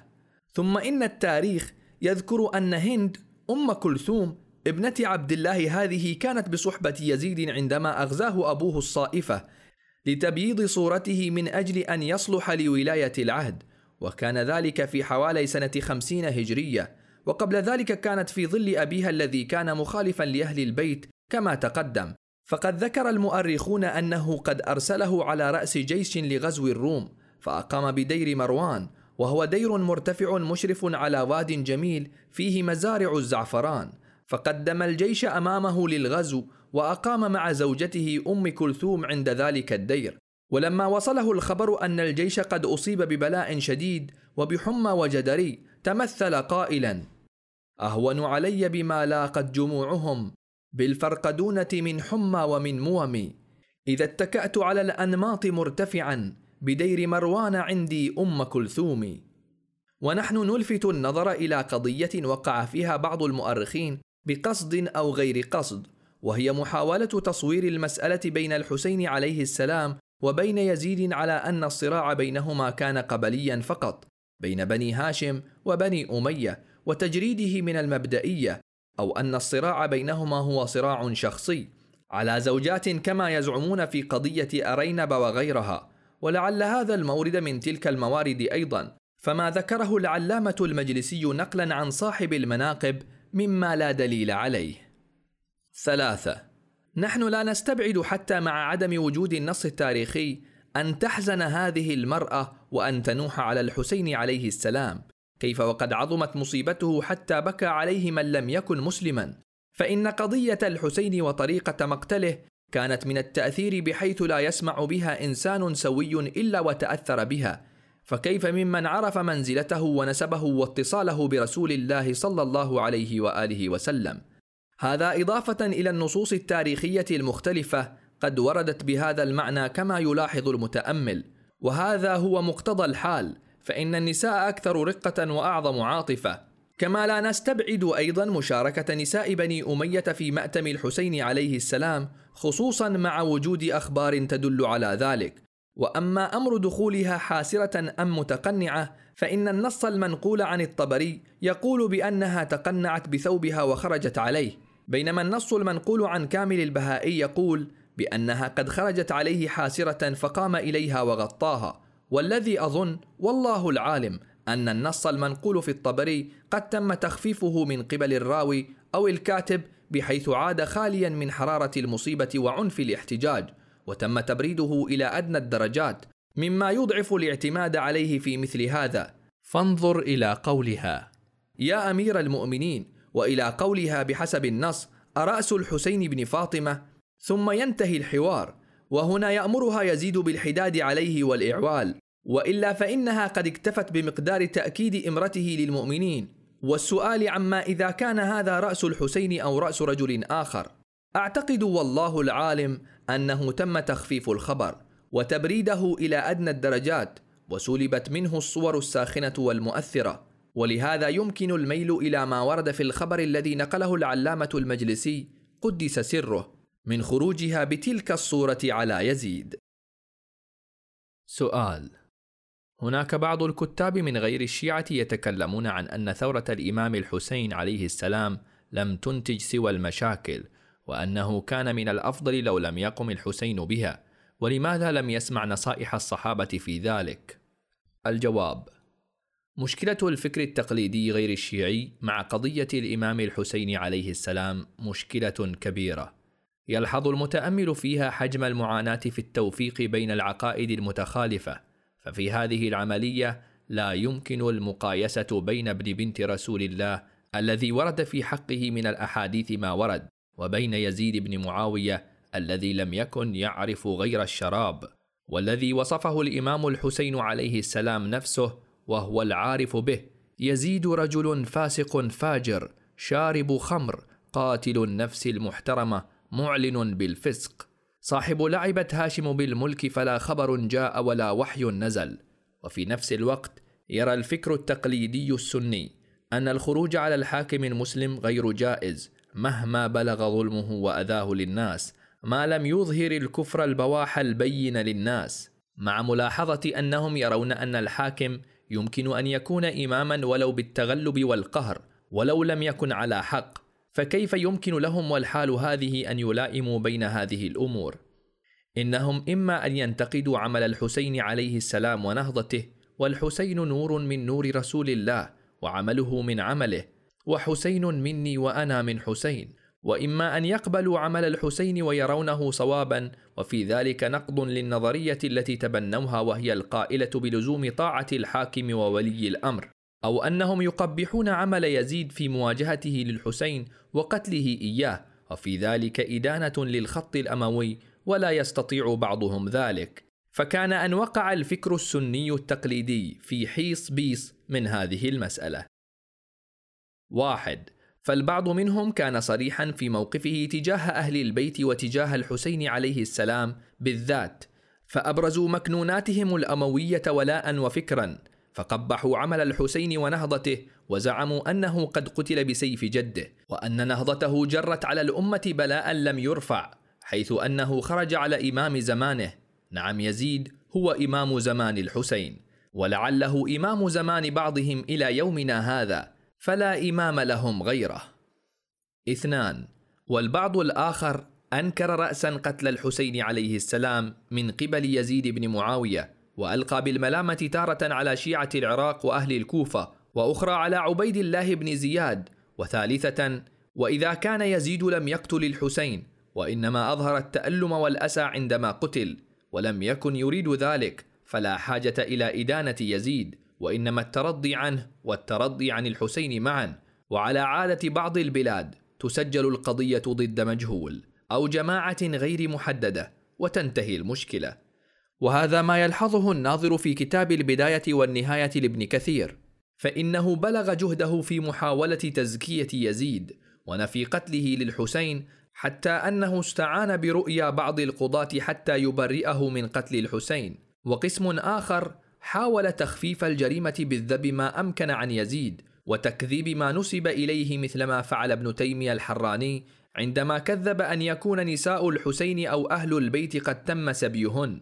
أو أنه قد أمر يزيد بإرسال رأس الحسين إليه فقال في الموضع الأول إن نقل رأس الحسين إلى الشام لا أصل له في زمن يزيد أو إن القصة التي يذكرون فيها حمل الرأس إلى يزيد ونكته بالقضيب قد كذبوا فيها ويزيد لم يسب للحسين حريما بل أكرم أهل بيته. وفي موضع آخر قال لا سبى أهل البيت أحد ولا سبي منهن أحد. ثلاثة قسم ثالث قبح فعل يزيد ورآه منكرا عظيما يدل على فسقه وأن الحسين عليه السلام كان على حق وأنه لم يكن يجوز ليزيد ولا لأنصاره قتال الحسين فلا يجوز قتال الحسين مع يزيد ولا ليزيد بل هي فعلاته المؤكدة لفسقه والحسين فيها شهيد مثاب وهو على حق واجتهاد كما قاله ابن خلدون في المقدمة. وإن كان قد أخطأ في نسبة الخطأ الدنيوي للحسين وزعم ذلك كما أنه ظل يعافس في إيجاد مبرر للصحابة الذين كانوا مع يزيد حيث قال والصحابة الذين كانوا مع يزيد على حق أيضا واجتهاد لكنه رفض أن يكون يزيد مجتهدا في قتال الحسين. ولعل كثيرا من علماء السنة ذهبوا إلى رفض فعل يزيد حتى أكثرهم محافظة على التوجه الأموي. نظرا لما كان عليه يزيد من الانحراف الواضح عن الجادة. والعجيب هو ذلك المزج الذي صنعه ابن خلدون بينما لا يمتزج فهو يحافظ على أن الحاكم هو المسيطر الذي تخضع له البلاد وهذا يعطيه شرعية. ولذا كان عبد الملك إماما شرعيا دون ابن الزبير مما يعني شرعية القوة والجبروت. وبين أن الحسين قد اجتهد في خروجه على يزيد ولم يكن مخطئا من الناحية الدينية. وإن أخطأ من الناحية الدنيوية. وبين أن عددا من الصحابة في الشام كانوا مع يزيد ولم يكونوا أيضا مخطئين في اجتهادهم. وبين أن يزيد كان فاسقا. وقتال البغاة إنما يكون مع الإمام العادل ولم يكن يزيد عادلا إلى آخر ما ذكره. فمعنى صحة فعل الحسين من الناحية الدينية أن النظرية التي شيدت عند بعض هؤلاء من عدم جواز الخروج على الحاكم الظالم ولزوم الصبر على ما يفعل لا بد أن تكون باطلة وإلا كيف يجمع بين حرمة الخروج على الحاكم الظالم وبين صحة عمل الخارج كالحسين سؤال أين دفن رأس الحسين عليه السلام بعدما أخذ من كربلاء إلى الكوفة ومنها إلى الشام؟ الجواب قد ذكر آية الله السيد محسن الأمين العاملي قدس سره في كتابه لواعج الأشجان مجموعة ما قيل في موضع دفن الرأس الشريف ونحن ننقله ونذكر ما هو المختار فقد ذكر من الأقوال والوجوه ما يلي. الأول إنه عند أبيه أمير المؤمنين عليه السلام بالنجف ذهب إليه بعض علماء الشيعة استنادا إلى أخبار وردت بذلك في الكافي والتهذيب وغيرهما من طرق الشيعة عن الأئمة عليهم السلام. وفي بعضها أن الصادق عليه السلام قال لولده إسماعيل إنه لما حمل إلى الشام سرقه مولى لنا فدفنه بجنب أمير المؤمنين عليه السلام. وهذا القول مختص بالشيعة. أقول إشارة السيد الأمين إلى عدد من الروايات. منها مرفوعة ابن أصباط عن الصادق عليه السلام إنك إذا أتيت الغري رأيت قبرين قبرا كبيرا وقبرا صغيرا. فأما الكبير فقبر أمير المؤمنين عليه السلام وأما الصغير فرأس الحسين عليه السلام. ولكن الخبر ضعيف بأكثر من جهة كما أنه يمكن توجيهه بأنه موضع الرأس الذي وضع فيه لا محل دفن الرأس. وهذا ما يشير إليه خبر المفضل بن عمر أنه جاز الصادق عليه السلام بالقائم المائل في طريق الغري فصلى عنده ركعتين فقيل له ما هذه الصلاة؟ فقال هذا موضع رأس جد الحسين عليه السلام وضعوه هنا وربما يستشهد له بخبر يونس بن ظبيان أن الصادق عليه السلام ركب وركبت معه حتى نزل عند الذكوات الحمر وتوضأ ثم دنا إلى أكمة فصلى عندها وبكى ثم مال إلى أكمة دونها ففعل مثل ذلك ثم قال الموضع الذي صليت عنده اولا موضع قبر أمير المؤمنين عليه السلام والآخر موضع رأس الحسين عليه السلام وأن ابن زياد لعنه الله لما بعث برأس الحسين بن علي عليه السلام إلى الشام رد إلى الكوفة فقال أخرجوه منها لا يفتتنن بها أهلها فصيره الله تعالى عند أمير المؤمنين عليه السلام فدفن فالرأس مع الجسد والجسد مع الرأس. والإشكال عليه أنه مع ضعف سنده بيونس هو مضطرب المتن ظاهرا فكيف يكون في موضع قبر أمير المؤمنين؟ ويكون أيضا الرأس مع الجسد والجسد مع الرأس مع أنه من المسلم به أن جسد الحسين عليه السلام في كربلاء. واحتمال أن يقصد كون الرأس مع جسد أمير المؤمنين بعيد جدا مع مخالفته لما سبق. نعم حمله في الجواهر على أنه دفن هناك ثم نقل بعدها إلى كربلاء والحديث لا يفي بهذا المعنى. كما يمكن الاستشهاد له بخبر النهدي قال دخلت على أبي عبد الله عليه السلام فذكر حديثا حدثناه قال مضينا معه يعني أبا عبد الله عليه السلام حتى انتهينا إلى الغري. قال فأتى موضعا فصلى ثم قال لإسماعيل قم فصل عند رأس أبيك الحسين عليه السلام. قلت أليس قد ذهب برأسه إلى الشام؟ قال بلى ولكن فلان مولانا سرقه فجاء به فدفنه ها هنا. والخبر ضعيف سندا وإن كان صريح الدلالة ولكن في التعليل أن فلانا سرقه فجاء به فدفنه هنا في النفس منه شيء. وعلى كل حال فإن باقي الأخبار تكون مبنية للمقصود منه كما في خبر مبارك الخباز قال قال لي أبو عبد الله عليه السلام أسرج البغل والحمار في وقت ما. قدم وهو في الحيرة قال فركب وركبت حتى دخل الجرف ثم نزل فصلى ركعتين ثم تقدم قليلا آخر فنزل فصلى ركعتين ثم ركب ورجع. فقلت له جعلت فداك. ما الأوليتين والثانيتين والثالثتين؟ هكذا.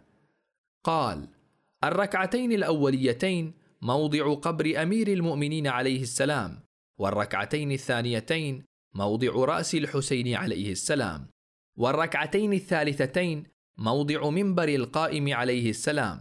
فإنه ظاهر في أنه موضع الرأس لا محل دفنه. وخصوصا مع قرينة موضع منبر القائم ومثله خبر أبان عن الموضعين والصلاة فيهما. وقد ذكر السيد الأمين قولا آخر يرجع إلى هذا القول وهو ما ذكره في كتابه بعنوان الثالث أنه مدفون بظهر الكوفة دون قبر أمير المؤمنين عليه السلام. رواه في الكافي بسنده عن الصادق عليه السلام. والكلام فيه هو الكلام في الأول حيث مرجعه إليه. الثاني إنه دفن بالمدينة المنورة عند قبر أمه فاطمة عليها السلام وأن يزيد أرسله إلى عمرو بن سعيد بن العاص بالمدينة فدفن عند أمه الزهراء عليها السلام. وأن مروان بن الحكم كان يومئذ بالمدينة فأخذه وتركه بين يديه وقال يا حبذا بردك في اليدين ولونك الأحمر في الخدين.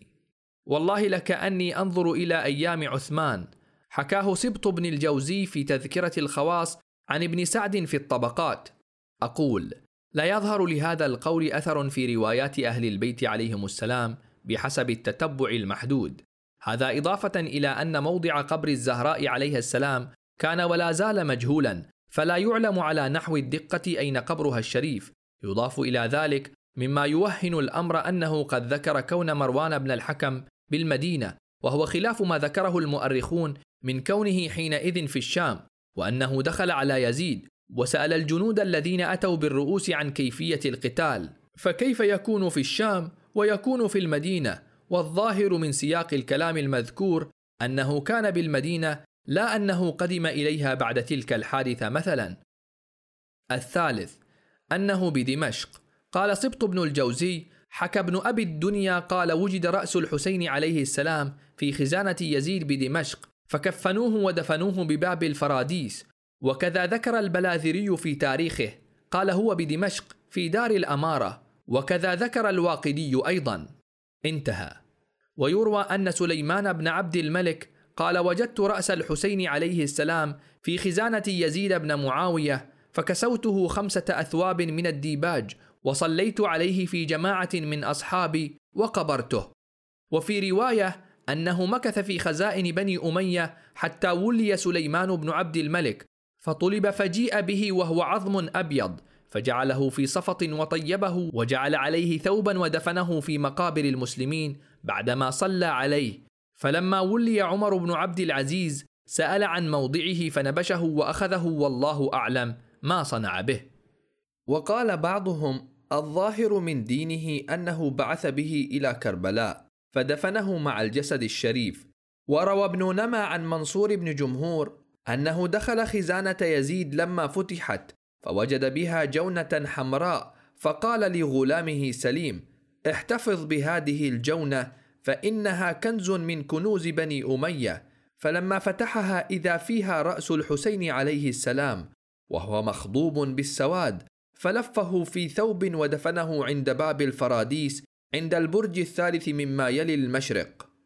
أقول وكأنه هو الموضع المعروف الآن بمسجد أو مقام أو مشهد رأس الحسين عليه السلام بجانب المسجد الأموي بدمشق وهو مشهد مشيد معظم. انتهى كلام السيد الأمين. وغاية ما يثبته هذا النقل لو تم هو أنه بقي في دمشق مدة من الزمان. ثم أعيد إلى قبره أيام عمر بن عبد العزيز أو غيره على أنه لا يتم. نعم. المعروف أنه وضع في الجامع الأموي في الشام أيام وصلت نساء الحسين هناك وأنه صار على أثر ذلك مكان يقصد. وشيد فيه مشهد باعتبار أنه محل وضع الرأس وأيضا يرد عليه ما على سابقه مع أنه لا شاهد عليه من روايات أهل البيت عليهم السلام الذين هم أعرف بموضع دفن الرأس بل الشاهد على خلافه كما سيأتي. ثم إنه قدس سره قد نقل قولا آخر عن ابن الجوزي وهو أن الرأس الشريف قد دفن في مدينة الرقة على الفرات وهذا القول من البعد إلى درجة أنه لم يكن ينبغي ذكره ويتلوه في الضعف القول بأنه كان في عسقلان وأنه قد نقل فيما بعد إلى مصر. الرابع أنه مدفون مع جسده الشريف وفي البحار أنه المشهور بين علمائنا الإمامية رده علي بن الحسين عليه السلام. انتهى. وفي اللهوف أنه أعيد فدفن بكربلاء مع جسده الشريف وكان عمل الطائفة على هذا المعني المشار إليه. انتهى. واعتمده هو أيضا في كتاب الإقبال وقال ابن نما الذي عليه المعول من الأقوال أنه أعيد إلى الجسد بعد أن طيف به البلاد ودفن معه. انتهى. وعن المرتضى في بعض مسائله أنه رد إلى بدنه بكربلاء من الشام وقال الطوسي ومنه زيارة الأربعين وقال سبط بن الجوزي في تذكرة الخواص. اختلفوا في الرأس على أقوال أشهرها أنه يعني يزيد رده إلى المدينة مع السبايا ثم رد إلى الجسد بكربلاء فدفن معه. قاله هشام وغيره. انتهى. ومنه زيارة الأربعين قال سبط بن الجوزي في تذكرة الخواص. اختلفوا في الرأس على أقوال أشهرها أنه يعني يزيد رده إلى المدينة مع السبايا ثم رد إلى الجسد بكربلاء فدفن معه قاله هشام وغيره. انتهى. فهذا القول مشترك بين الشيعة وأهل السنة. انتهى كلامه رفع في الخلد مقامه. أقول هذا القول هو المتعين الذي لا مناص من القبول به ويمكن الاستدلال بذلك بنقاط. واحد من الناحية التاريخية فإن من المعروف أن يزيد بعدما تحقق له ما أراد من قتل الحسين عليه السلام وسبي نسائه إلى الشام وانقلاب الأمر عليه أراد أن ينهي القضية بحيث لا تتصاعد فسمح للنساء بإقامة مأتم الحزن. ثم استدعى الإمام زين العابدين عليه السلام بعد أيام وخيره بين البقاء معه أو إن أرادوا الذهاب إلى المدينة بعث معهم من يوصلهم وأظهر له أنه يريد قضاء حوائجه فطلب الإمام أمورا كان منها رأس أبيه عليه السلام. ومن الطبيعي ويزيد في هذه الحال يريد إنهاء القضية أن يستجيب لطلب الإمام رأس أبيه. اثنان روايات أهل البيت عليهم السلام. ففي رواية نقلها الشيخ الصدوق قدس سره في الأمالي تصريح برد رأس الحسين إلى كربلاء. فقد روى بطريق معتبر إلى لوط بن يحيى الأزدي عن الحارث بن كعب عن فاطمة ابنة علي عليه السلام قالت: ثم إن يزيد لعنه الله أمر بنساء الحسين عليهم السلام. فحبسن مع علي بن الحسين عليه السلام في محبس لا يكنهم من حر ولا قر حتى تقشرت وجوههم ولم يرفع من بيت المقدس حجر على وجه الأرض إلا وجد تحته دم عبيط. وأبصر الناس الشمس على الحيطان حمراء كأنها الملاحف المعصفرة إلى أن خرج علي بن الحسين عليه السلام بالنسوة ورد رأس الحسين عليه السلام إلى كربلاء. والروايات التي تتحدث عن تربة قبر الحسين مشعرة بذلك. ففي بعضها عن أبي عبد الله عليه السلام قال عند رأس الحسين عليه السلام لتربة حمراء فيها شفاء من كل داء إلا السام أي الموت. كما تشير إليه الروايات القائلة باستحباب الصلاة عند رأس الحسين عليه السلام كما في رواية ابن ناجية صل عند رأس قبر الحسين عليه السلام ورواية الثمالي ثم تدور من خلفه إلى عند رأس الحسين عليه السلام وصل عند رأسه ركعتين تقرأ في الأولى إلى أن قال وإن شئت صليت خلف القبر وعند رأسه أفضل. وفي رواية صفوان ثم قم فصل ركعتين عند الرأس. وروايات الاستخارة عند رأس الحسين عليه السلام كما في الوسائل إلا أن تحمل كل هذه الروايات والأفعال على موضع الرأس وجهته وإن لم يكن موجودا وهو خلاف الظاهر.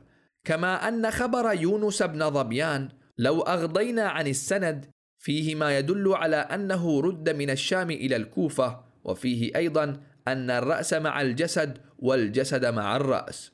وأظن والله العالم أن هناك سقطا بين هاتين الجملتين. وهذا هو الذي يجعلهما متهافتتين. وإلا لو تصورنا وجود جملة ساقطة فيها معنى أنه ذهب به إلى كربلاء بعدها فإن جملة فالرأس مع الجسد والجسد مع الرأس التي هي بمثابة أم الحديث والنقطة الجوهرية فيه تكون مستقيمة وواضحة مع ملاحظة أنه لا يوجد في أصل الحديث في كامل الزيارة كلمة فدفن. ثلاثة أقوال علمائنا اتفقت كلمة علماء أهل البيت عليهم السلام على أن رأس الحسين قد ألحق بالجسد أخيرا. فقد قال الشريف المرتضى علم الهدى قدس سره في رسائله أن جميع الرواة المصنفين قد رووا أن رأس الحسين عليه السلام قد حمل إلى الشام كما أنهم رووا أنه أعيد بعد حمله إلى هناك ودفن مع الجسد بالطف. ونقل عن ابن شهراشوب في المناقب أنه المشهور بين الشيعة. فقد قال ابن نما والذي عليه المعول من الأقوال أنه أعيد إلى الجسد بعد أن طيف به في البلاد ودفن معه. وقال السيد بن طاووس فأما رأس الحسين فروي أنه أعيد فدفن بكربلاء مع جسده الشريف. وكان عمل الطائفة على هذا المعنى المشار إليه. ورويت آثار مختلفة كثيرة غير ما ذكرناه تركنا وضعها لئلا ينفسخ ما شرطناه من اختصار الكتاب. وقال العلامة المجلسي بعد أن تعرض إلى بعض الأقوال أقول هذه أقوال المخالفين في ذلك والمشهور بين علمائنا الإمامية أنه دفن رأسه مع جسده. رده علي بن الحسين عليه السلام. هذا مع ملاحظة أنه جعل هذا القول هو المشهور بين العلماء. وروى المحدث الحر العاملي قدس سره أنه لا منافاة بين القول باستحباب زيارة موضع الرأس والصلاة ركعتين عند قبر أمير المؤمنين وبين القول بأن الرأس قد دفن في كربلاء. قال قد روى السيد رضي الدين علي بن طاووس في كتاب الملهوف وغيره أن رأس الحسين عليه السلام أعيد فدفن مع بدنه بكربلاء وذكر أن عمل العصابة على ذلك ولا منافاة بينهما. ونفس الأمر صار إليه في الجواهر الجواهري قدس سره. في جمعه بين الروايات المشيرة إلى أن بالنجف موضع الرأس وأنه في كربلاء. قال كما تقدم ذكره بأنه يحتمل بقاؤه فترة هناك ثم دفنه في كربلاء. وهذا وإن كان يختلف في التفاصيل مع القول المختار من حيث أن مفاد ما هو مختار هو رجوع السجاد برأس أبيه ودفنه معه بينما هذا التوجيه لصاحب الجواهر يقول بأنه قد دفن هنا مدة من الزمان إلا أنه من حيث النتيجة وحاصلها أنه مدفون مع الجسد متوافق معه. سؤال: ماذا كان مرض زين العابدين عليه السلام يوم عاشوراء؟ ولماذا عرف بالعليل؟ الجواب: في البداية لا بد أن نلفت النظر إلى نقطة أساسية ترتبط بمرض الإمام السجاد عليه السلام، ولعل جانبا منها قد تقدم في سابق الأجوبة، وهي أن مرضه كان في فترة مؤقتة هي يوم عاشوراء وما أعقبه من الأيام التي لا نعلم مقدارها، نظرا لاستمرار حالة المعاناة على أثر السفر والسهر، والإيذاء الذي تعرض له خلال رحلة سبي النساء من كربلاء إلى الكوفة ومنها إلى الشام، ثم العودة، وإن كانت العودة أهون، ولا تمتد قطعا إلى السنوات المتأخرة خلافا للشائع في بعض الأذهان التي ما أن يذكر الإمام السجاد عليه السلام حتى تتبادر صورة المريض الذي لا يستطيع فعل شيء. كما نعتقد أن مرض الإمام عليه السلام في تلك الفترة كان ضمن الحكمة الإلهية لجهة أن يستمر النسل الحسيني والامتداد العلوي والإمامة المحمدية بحيث يكون في الأمة من هو قادر على حمل مواريث النبوة والإمامة ويكون فاعلا في تغيير مسيرتها والحفاظ فيها على شريعة الرسول صلى الله عليه وآله وسلم. وإلا لو كان صحيح البدن إلى مقتل الحسين عليه السلام لما وسعه التأخر عن نصرته والمبادرة إلى فدائه بنفسه لما ثبت من لزوم دفع الموت عن النبي والإمام فإنه لا يسمع واعيتنا أحد ثم لا ينصرنا إلا أكبه الله على منخريه في نار جهنم. إضافة إلى أنه مقتضى بر الولد بأبيه حتى في حالة عدم العصمة والإمامة. أما ما هي كيفية مرض الإمام السجاد عليه السلام فما وجدته من النصوص هو التالي. أقدم نص رأيته هو ما ذكر في كتاب للزبير الأسدي. تسمية من قتل مع الحسين عليه السلام فقد قال وكان علي بن الحسين عليه السلام عليلا وارتث يومئذ وقد حضر بعض القتال فدفع الله عنه وأخذ مع النساء هو ومحمد بن عمرو بن الحسن والحسن بن الحسن بن علي بن أبي طالب عليهم السلام. ما ذكره الشيخ الطبرسي في كتابه إعلام الورى بأعلام الهدى. في حديثه عن رحيل الركب الحسيني إلى الكوفة فقال ثم نادى في الناس بالرحيل وتوجه نحو الكوفة ومعه بنات الحسين عليه السلام وأخواته ومن كان معه من النساء والصبيان وعلي بن الحسين عليه السلام فيهم وهو مريض بالذرب. نقل العلامة المجلسي في البحار عن كتاب نوادر بن أصباط عن بعض أصحابه رواه قال إن أبا جعفر الباقر عليه السلام قال كان أبي مبطونا يوم قتل أبوه صلوات الله عليهما وكان في الخيمة وكنت أرى موالينا كيف يختلفون معه يتبعونه بالماء. والنص الأول الذي ذكر في كتاب الفضيل بن الزبير يفيد بظاهره أمرين أن الإمام السجاد قد شارك في بعض القتال وأنه كان قد ارتث أي جرح. وقد أصر السيد الجلالي في كتابه جهاد الإمام السجاد عليه السلام على هذا واستفاد من النص المذكور ما ينفعه في الاستدلال على جهاد الإمام وشجاعته وأنه قد شارك في المعركة أو مقدماتها وقد أصيب بجرح على أثر ذلك. بينما النصان التاليان لذلك لا يتعرضان لأمر القتال ولا الجراح وإنما يثبتان كونه عليلا إلى درجة أنه قد أشفى على الموت وأنه كان بحسب النص مريضا بالذرب. وهو الذي لا يبرأ من الأمراض. كما عن بعض أهل اللغة وكما في الحاشية. مرض يعرض للمعدة فلا تهضم الطعام ولا تمسكه وهو ما يسبب الإعياء وعدم القدرة على ممارسة النشاطات الاعتيادية للمصاب به وهو شبيه لما يسمى اليوم بالإسهال الشديد الذي قد ينتهي في بعض الحالات إلى التجفاف والوفاة سواء في الصغار أو الكبار. وأمر مشاركة الإمام السجاد في القتال لا شاهد عليه في روايات أهل البيت أو نقل أهل التاريخ. إلا أن يكون بمعنى محاولة النهوض والخروج للقتال على أثر استغاثة والده الحسين واستنصاره.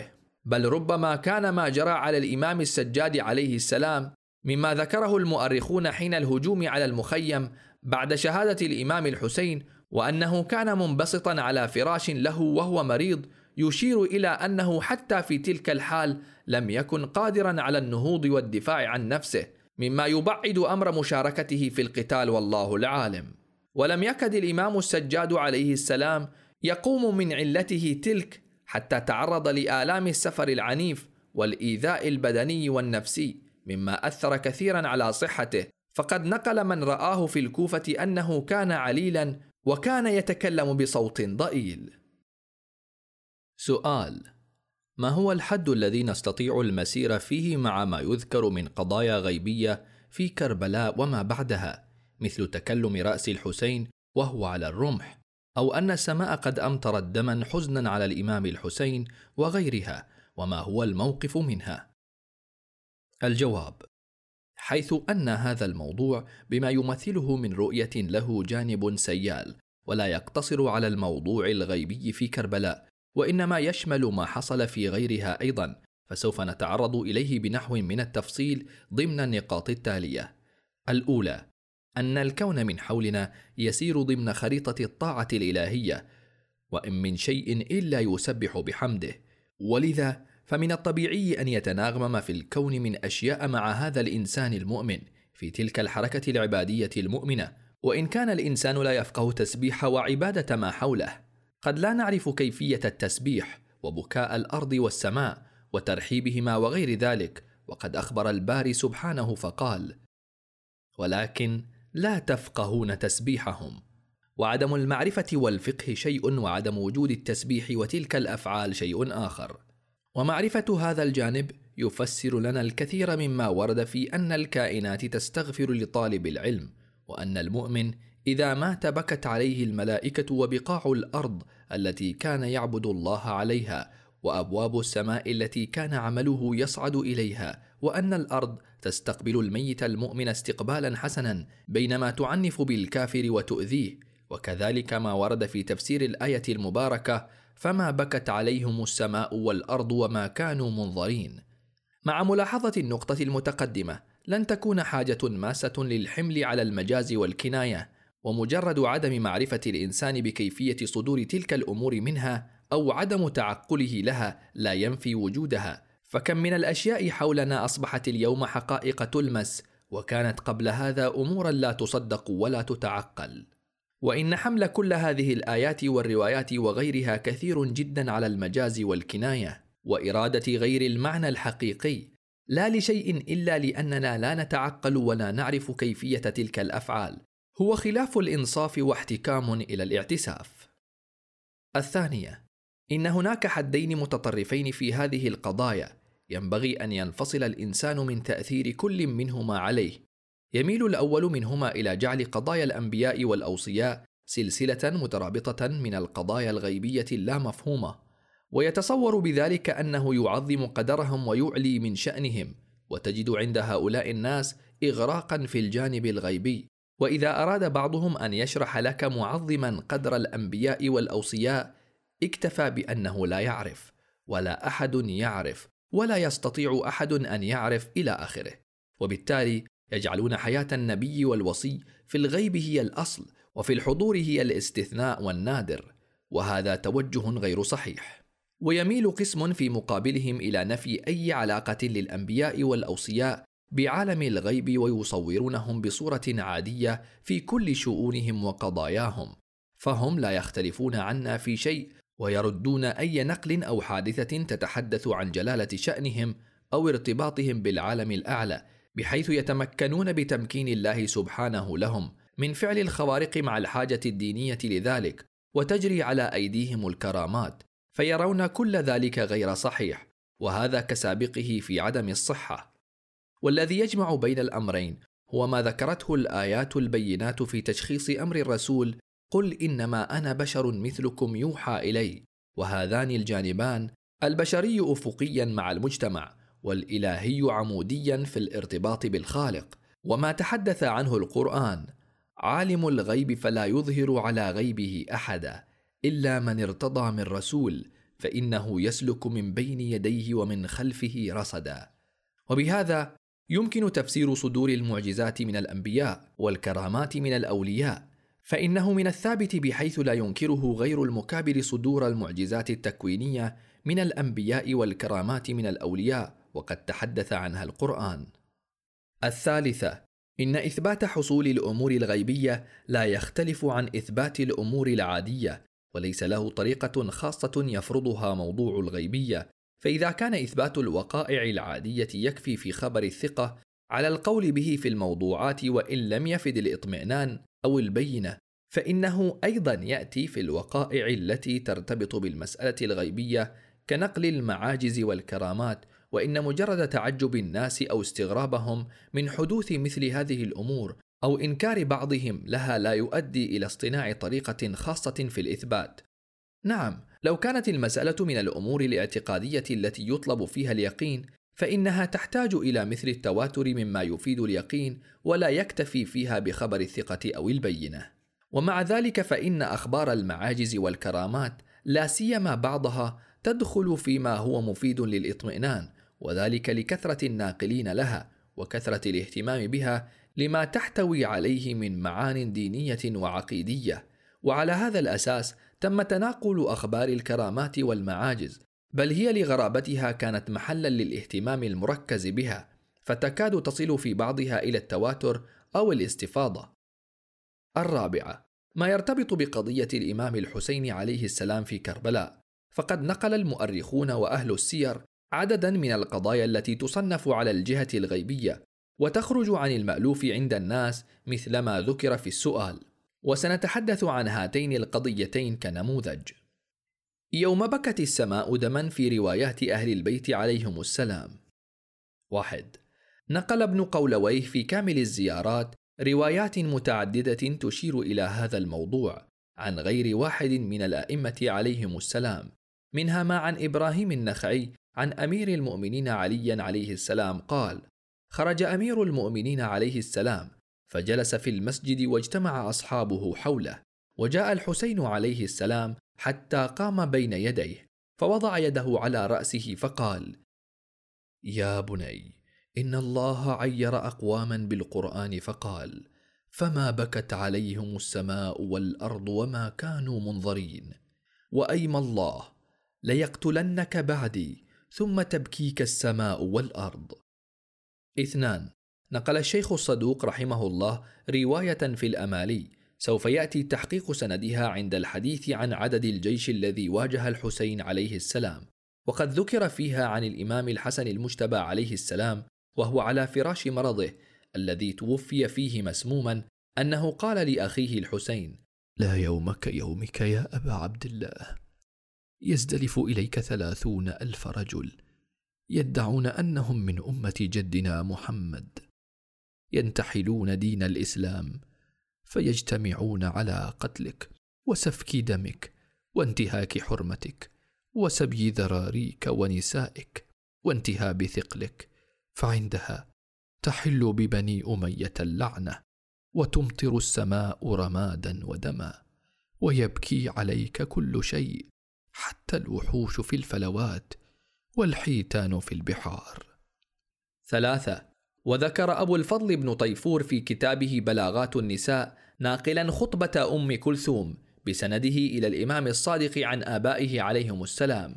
وقد ذكرت فيها ما يشير إلى أن السماء قد مطرت دما فقد قال في كتابه وأخبر هارون بن مسلم بن سعدان قال أخبرنا يحيى بن حماد البصري عن يحيى بن الحجاج عن جعفر بن محمد عن آبائه قال: لما أدخل بالنسوة من كربلاء إلى الكوفة كان علي بن الحسين عليه السلام ضئيلا قد نهكته العلة ورأيت نساء أهل الكوفة مشققات الجيوب على الحسين بن علي عليه السلام إلى أن قال ناقلا الخطبة: أتدرون أي كبد لرسول الله فريتم؟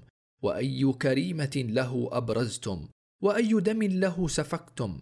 لقد جئتم بها شهواء خرقاء، شرها طلاع الأرض والسماء، أفعجبتم أن قطرت السماء دما ولعذاب الآخرة أخزى وهم لا ينظرون. أربعة ونقل ابن قولوي في كامل الزيارات عن الإمام الباقر عليه السلام أنه قال: ما بكت السماء على أحد بعد يحيى بن زكريا إلا على الحسين بن علي فإنها بكت عليه أربعين يوما. خمسة وكذلك ما نقله في كامل الزيارات عن الإمام الصادق عليه السلام قال: لم تبكي السماء إلا على الحسين بن علي ويحيى بن زكريا عليهم السلام وكذلك في تفسير قوله تعالى فما بكت عليهم السماء والأرض وما كانوا منظرين قال لم تبكي السماء على أحد منذ قتل يحيى بن زكريا حتى قتل الحسين عليه السلام فبكت عليه ستة. في رواية الريان بن شبيب عن الإمام الرضا عليه السلام يا ابن شبيب لقد حدثني أبي عن أبيه عن جده عليهم السلام أنه لما قتل جدي الحسين صلوات الله عليه أمطرت السماء دما وترابا أحمر. هذه الروايات عن أهل البيت عليهم السلام وغيرها كثير يستطيع المتتبع أن يرجع إلى كامل الزيارات وغيره من الكتب الحديثية المصنفة فيما جرى بعد شهادة الحسين عليه السلام.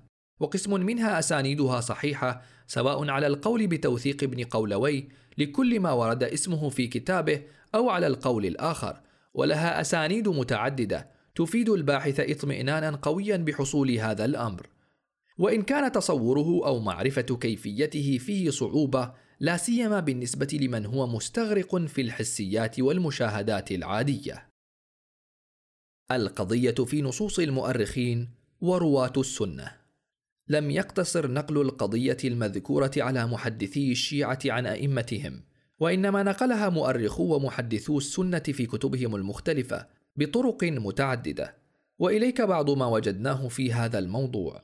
فقد نقل الحافظ ابن محمد بن حبان السجستاني المتوفى سنة 354 للهجرة في كتابه الثقات.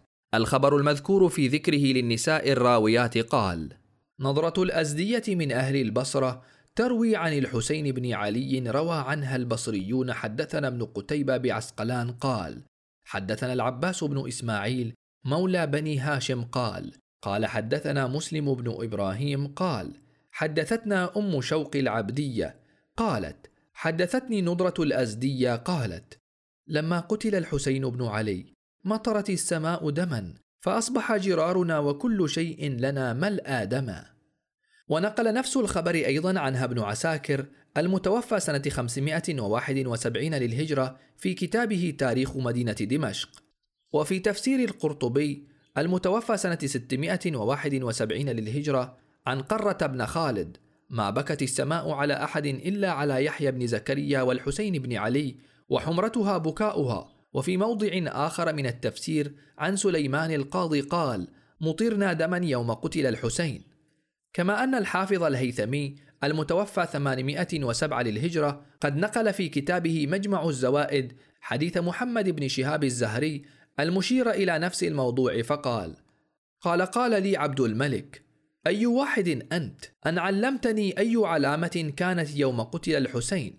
فقال قلت: لم ترفع حصاة ببيت المقدس إلا وجد تحتها دم عبيط. فقال لي عبد الملك: إني وإياك في هذا الحديث لقرينان رواه الطبراني ورجاله ثقات وعن الزهري قال ما رفع بالشام حجر يوم قتل الحسين بن علي إلا عن دم رواه الطبراني ورجاله رجال الصحيح وعن أم حكيم قالت قتل الحسين وأنا يومئذ جويرية فمكثت السماء أياما مثل العلقة.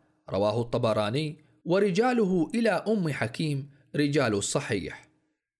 وعن جميل بن زيد قال لما قتل الحسين احمرت السماء قلت أي شيء تقول؟ قال إن الكذاب منافق إن السماء احمرت حين قتل. رواه الطبراني وفيه من لم أعرفه.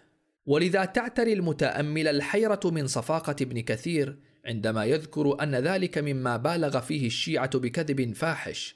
فقد روى هذه الآثار الطبراني ورجالها كما تقدم هم رجال الصحيح. ولكنها الحالة الأموية والطبع يغلب التطبع وشنشنة نعرفها من أخزم. فالذي يستكثر على الحسين عليه السلام أن يبكي عليه من سماهم جهلة الرافضة ويقبح فعلهم ذاك كيف يقبل أن يتفاعل الكون مع مصيبة الحسين؟ يتلو الكتاب على السنان. القضية الأخرى التي ذكرت في السؤال تكلم رأس الحسين وهو على الرمح وقد ذكرت هذه القضية في بعض الكتب والمصادر الشيعية منها كتاب الإرشاد للشيخ المفيد قدس سره ففيه ورد ما يلي. روي عن زيد بن أرقم أنه قال مر علي به وهو على رمح وأنا في غرفة فلما حاذاني سمعته يقرأ. أم حسبت أن أصحاب الكهف والرقيم كانوا من آياتنا عجبا؟ فقف والله شعري وناديت. رأسك والله يا ابن رسول الله أعجب وأعجب. ولما فرغ القوم من التطواف به بالكوفة ردوه إلى باب القصر فدفعه ابن زياد إلى زحر بن قيس ودفع إليه رؤوس أصحابه وسرحه إلى يزيد بن معاوية عليهم لعائن الله ولعنة اللاعنين في السماوات والأرضين وأنفذ معه أبا بردة بن عوف الأزدي وطارق بن أبي ظبيان في جماعة من أهل الكوفة حتى وردوا بها على يزيد بدمشق. ونقل الحادثة محمد بن سليمان الكوفي كان حيا سنة 300 في كتابه مناقب أمير المؤمنين عليه السلام عن شاهد عيان آخر وهو المنهال بن عمرو فقال حدثنا أبو أحمد قال سمعت محمد بن مهدي يحدث عن عبد الله بن داهر الرازي عن أبيه عن الأعمش عن المنهال بن عمرو وقال رأيت رأس الحسين بن علي على الرمح وهو يتلو هذه الآية أم حسبت أن أصحاب الكهف والرقيم كانوا من آياتنا عجبا؟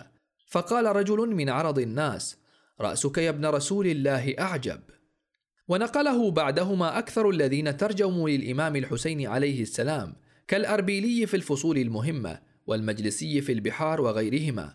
كما ذكرت الحادثة في بعض المصادر غير الشيعية مثل تاريخ ابن عساكر حيث ذكرها بسنده إلى المنهال بن عمرو بشيء من التغيير وحاصله أن الذي كان يقرأ السورة هو شخص كان أمام الرأس فلما قرأ أم حسبت أن أصحاب الكهف والرقيم كانوا من آياتنا عجبا؟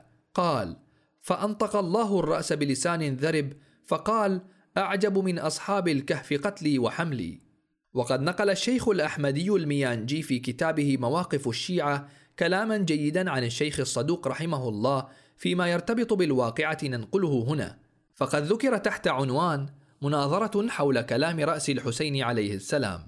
فلما ورد الصدوق عليه من الغد وأخذ الملك في مدحه وثنائه أظهر بعضهم بحضرته أن هذا الشيخ يرى أن رأس الحسين عليه السلام كان يقرأ على القناة سورة الكهف فقال الملك وما عرفنا منه ذلك حتى نسأله.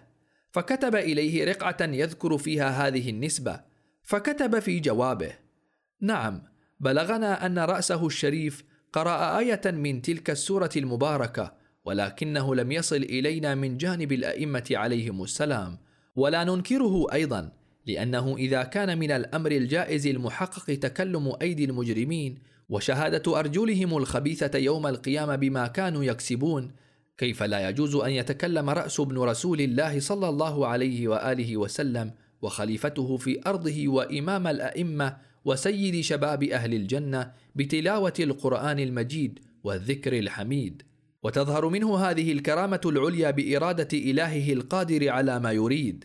فإنكاره في الحقيقة إنكار لقدرة الله أو جحود لفضيلة رسول الله. والعجب ممن يفعل ذلك وهو يقبل أنه بكته ملائكة السماء وأمطرت على مصيبته من الأفلاك الدماء وناحت عليه الجن بطريق الشيوع وأقيمت مراسم عزائه في جميع الأصقاع والربوع.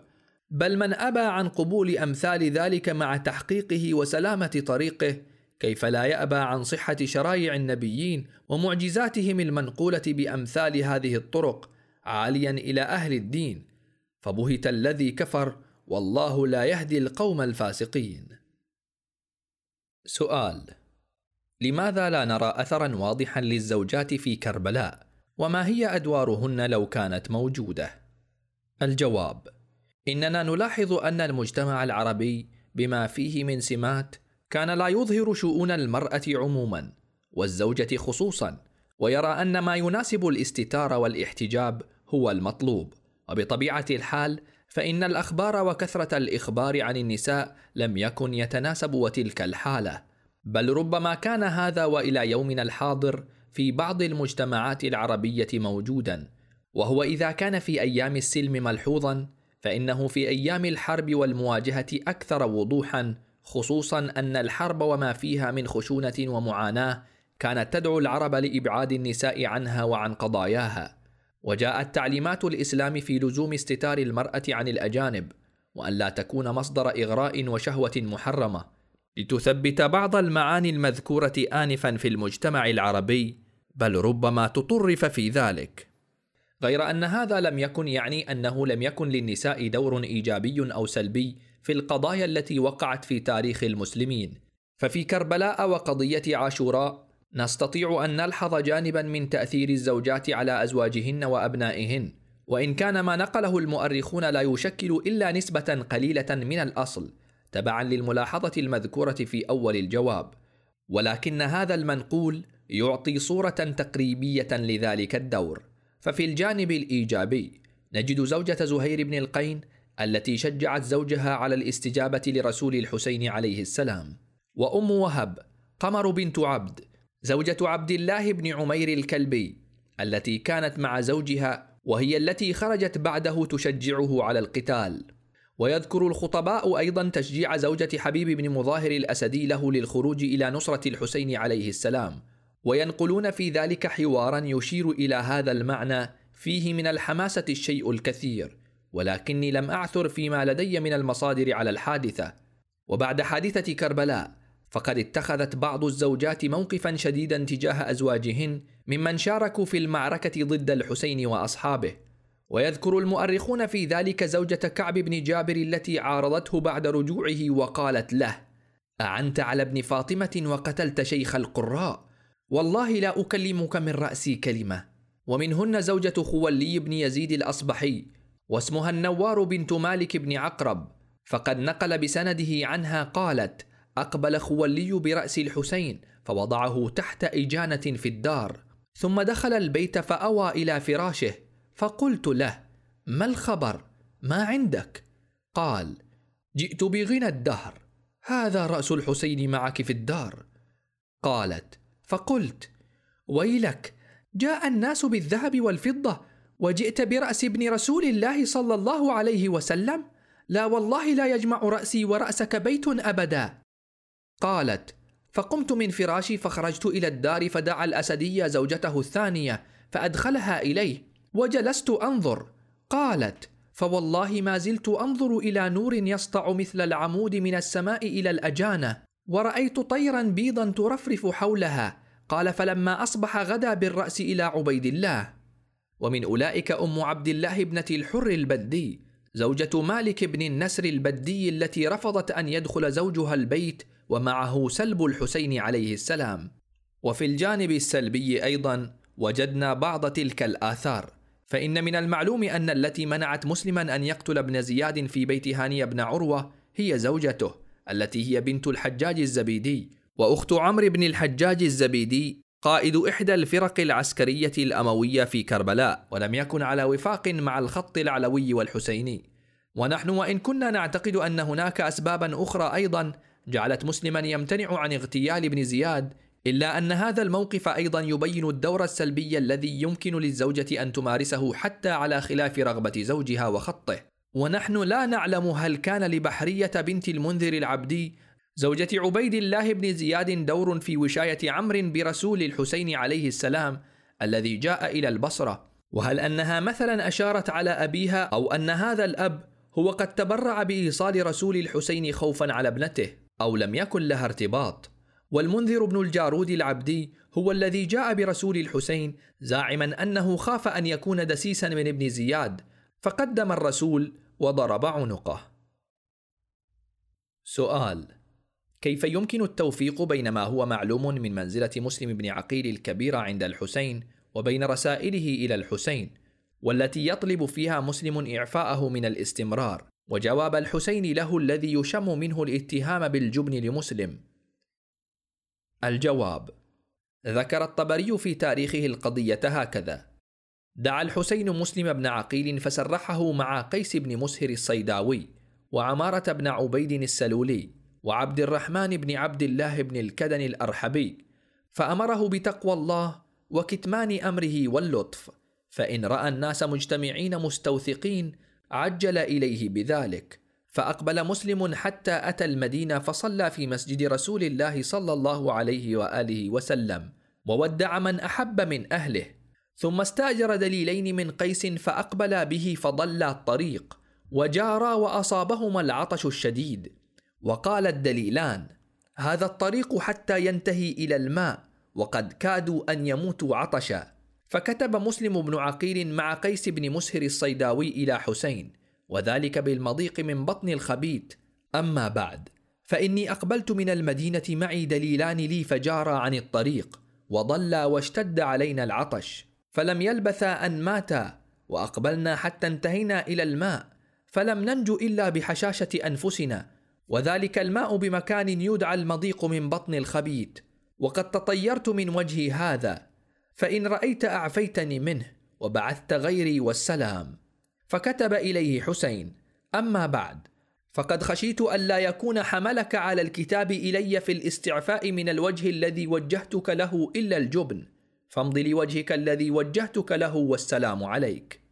فقال مسلم لما قرأ الكتاب هذا ما لست أتخوفه على نفسي. فأقبل كما هو حتى مر بماء لطيء فنزل بهم. ثم ارتحل منه فإذا رجل يرمي الصيد فنظر إليه قد رمى ظبيا حين أشرف له فصرعه فقال مسلم يقتل عدونا إن شاء الله. ثم أقبل مسلم حتى دخل الكوفة فنزل دار المختار بن أبي عبيد. انتهى. ولنا مع هذا النقل وقفات. واحد. محل الحادثة. يظهر من النقل المذكور أن الحادثة قد وقعت بعدما استأجر مسلم دليلين من المدينة. ومات هذان الدليلان في مكان ما بمضيق الخبت ثم بعث مسلم رسالته إلى الحسين ويفترض أن يكون ذلك بعد الخروج من المدينة باتجاه العراق. لكن أرباب المعاجم ذكروا أن منطقة الخبت بين المدينة ومكة وليست بين المدينة والعراق. وقد أشار إلى ذلك العلامة القرشي في كتابه حياة الإمام الحسين فقال: إن مضيق الخبت الذي بعث منه مسلم رسالته إلى الإمام يقع ما بين مكة والمدينة حسب ما نص عليه الحموي، في حين أن الرواية تنص على أنه استأجر الدليلين من يثرب، وخرجوا إلى العراق فضلوا عن الطريق ومات الدليلان، ومن الطبيعي أن هذه الحادثة وقعت ما بين المدينة والعراق ولم تقع ما بين مكة والمدينة. وأنه لو كان هناك مكان يدعى بهذا الاسم يقع ما بين يثرب والعراق لم يذكره الحموي فإن السفر منه إلى مكة ذهابا وإيابا يستوعب زمانا يزيد على عشرة أيام في حين أن سفر مسلم من مكة إلى العراق قد حدده المؤرخون فقالوا أنه سافر من مكة في اليوم الخامس عشر من رمضان وقدم إلى الكوفة في اليوم الخامس من شوال فيكون مجموع سفره عشرين يوما وهي أسرع مدة يقطعها المسافر من مكة إلى الكوفة. فإن المسافة بينهما تزيد على 1600 كيلومتر. وإذا استثنينا من هذه المدة سفر رسول مسلم من ذلك المكان ورجوعه إليه فإن مدة سفره من مكة إلى الكوفة تكون أقل من عشرة أيام ويستحيل عادة قطع تلك المسافة بهذه الفترة من الزمن. اثنان. قول مسلم بحسب النقل المذكور وقد تطيرت من وجهي هذا فإن رأيت أعفيتني منه وبعثت غيري. والتطير من الطيرة وهي كما قالوا ما يتشاءم به من الفال الرديء وقد كانت سائدة عند العرب في الجاهلية فأبطلها الإسلام وألغى آثارها.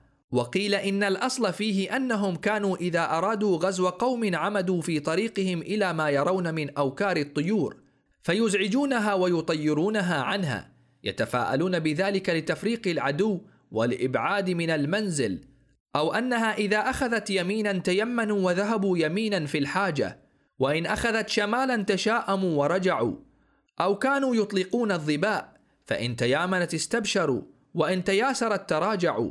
ثم استعمل هذا اللفظ في مطلق الفال سواء كان بإطارة الطيور عن أعشاشها أو بغير ذلك مما كانوا يتفاءلون به مثل نعب الغراب وإقيعاء الذئاب واعتراض الصيد وغيرها.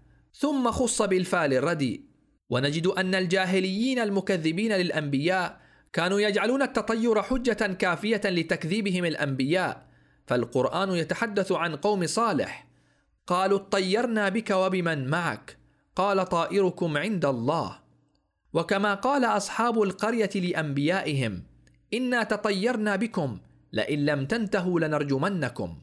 ولأنها تنمي الفكر الخرافي من جهة وتضيع على المجتمع كثيرا من فرص الخير والعمل لأجل أن العصفور قد اتجه شمالا.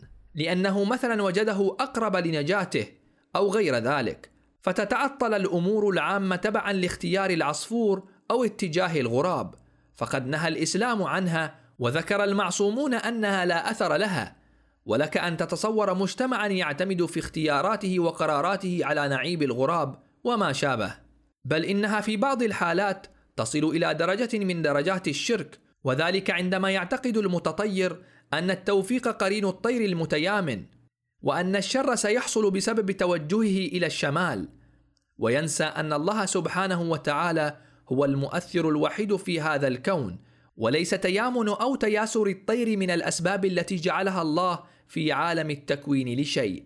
ففي الحديث عن رسول الله صلى الله عليه وآله وسلم الطيرة شرك وعنه أيضا من ردته الطيرة عن حاجته فقد أشرك وأنه من خرج يريد سفرا فرجع من طير فقد كفر بما أنزل على محمد. ليس منا من تطير أو تطير له أو تكهن أو تكهن له أو سحر أو سحر له. ولعله لهذا السبب جعل كفارة الطيرة التوكل على الله والاعتقاد بأنه لا يصنع الخير ولا يدفع الشر إلا الله.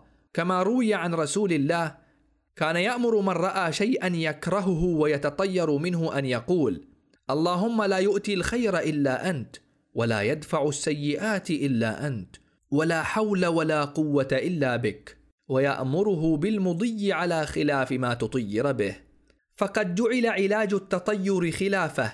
فقال كما في الحديث عن رسول الله إذا تطيرت فامضي. هذا هو التطير. عادة جاهلية قد تجر في حالات إلى الشرك وهي ليست في المؤمنين ولا سيما في أهل البيت.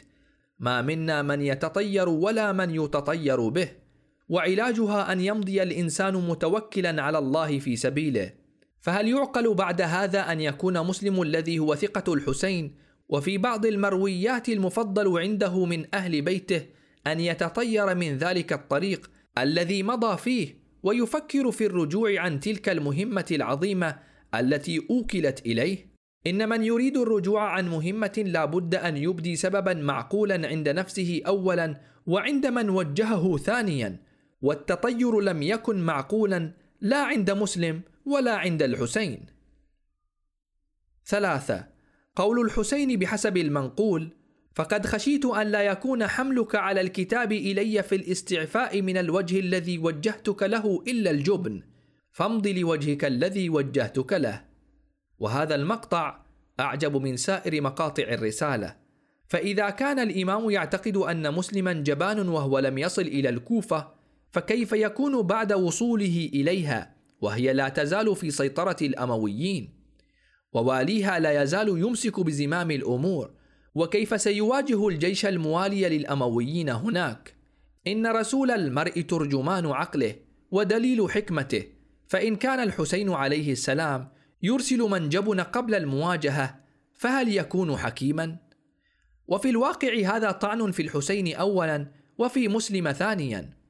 ثم ما الذي كان يملكه الحسين من قوة ضغط لكي يجبر مسلما على الذهاب بالرغم من تطيره كما يزعمون؟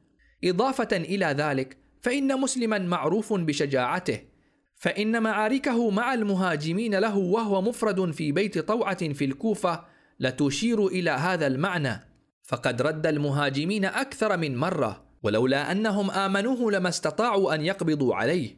فاتهامه بالجبن في ذلك النص مخالف للواقع ولمعرفة الحسين به ولحكمة الحسين في اختياره لتلك المهمة. ولذلك يصعب أن يقبل ذلك النص بهذه الكيفية سؤال عن التربة الحسينية فماذا يعني أن يكون فيها الشفاء؟ وهل تلك الخصوصية لتربة الحسين أو لقبور المعصومين عموما؟ وهل تؤخذ من أي مكان سواء من القبر أو من نواحي كربلاء؟ الجواب ورد موضوع التربة في كلمات فقهائنا في موارد متعددة فقد ورد ذكره في تحنيك الطفل أول ولادته وفي القبر يستحب أن يوضع مع الميت شيء من تربة الحسين وفي باب حرمة أكل الطين إلا طين قبر الحسين لأجل الاستشفاء وفي باب السجود في الصلاة وأنها خير ما يسجد عليه وفي أنه يستحب أن يكون لدى المؤمن سبحة من طين قبر الحسين وفي استصحابها في السفر وأنها أمان من كل خوف. أما خصوصية التربة الحسينية في الشفاء فتارة يتم الحديث عنها ضمن الإطار الظاهري الذي ذكره البعض من العلماء الطبيعيين في شأن التيمم وأنه كيف يكون التراب والغبار أحد الطهورين. وذكروا في حينه أن في التراب من العناصر الشيء الكثير الذي يعتبر من المضادات الحيوية لكثير من الأمراض. ولا أعلم عن هذه الجهة الطبيعية فنقلها يكون على عهدتهم. وأخرى يتم عنها خارج هذا الإطار وحاصله أنه لا شك في أن بين عناصر الطبيعة تفاعلا وتكاملا ويمكن الاستفادة من تلك العناصر نباتية كانت أو حيوانية أو جمادا في قضايا الاستشفاء والعلاج.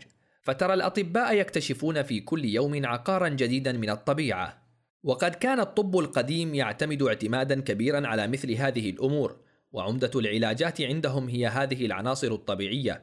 وبعضها كان يتم اكتشاف تأثيرها من خلال التجربة والعلم البشري وبعضها الآخر كان يعرف تأثيرها من خلال إرشادات الأنبياء والأولياء لها.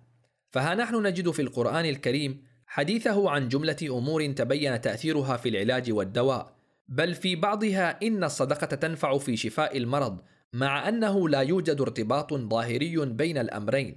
فإذا وصل الخبر الصحيح عن المعصومين في تأثير شيء في شيء ولم يكن هناك محذور عقلي يمنع من الالتزام به فما المانع من الإيمان به؟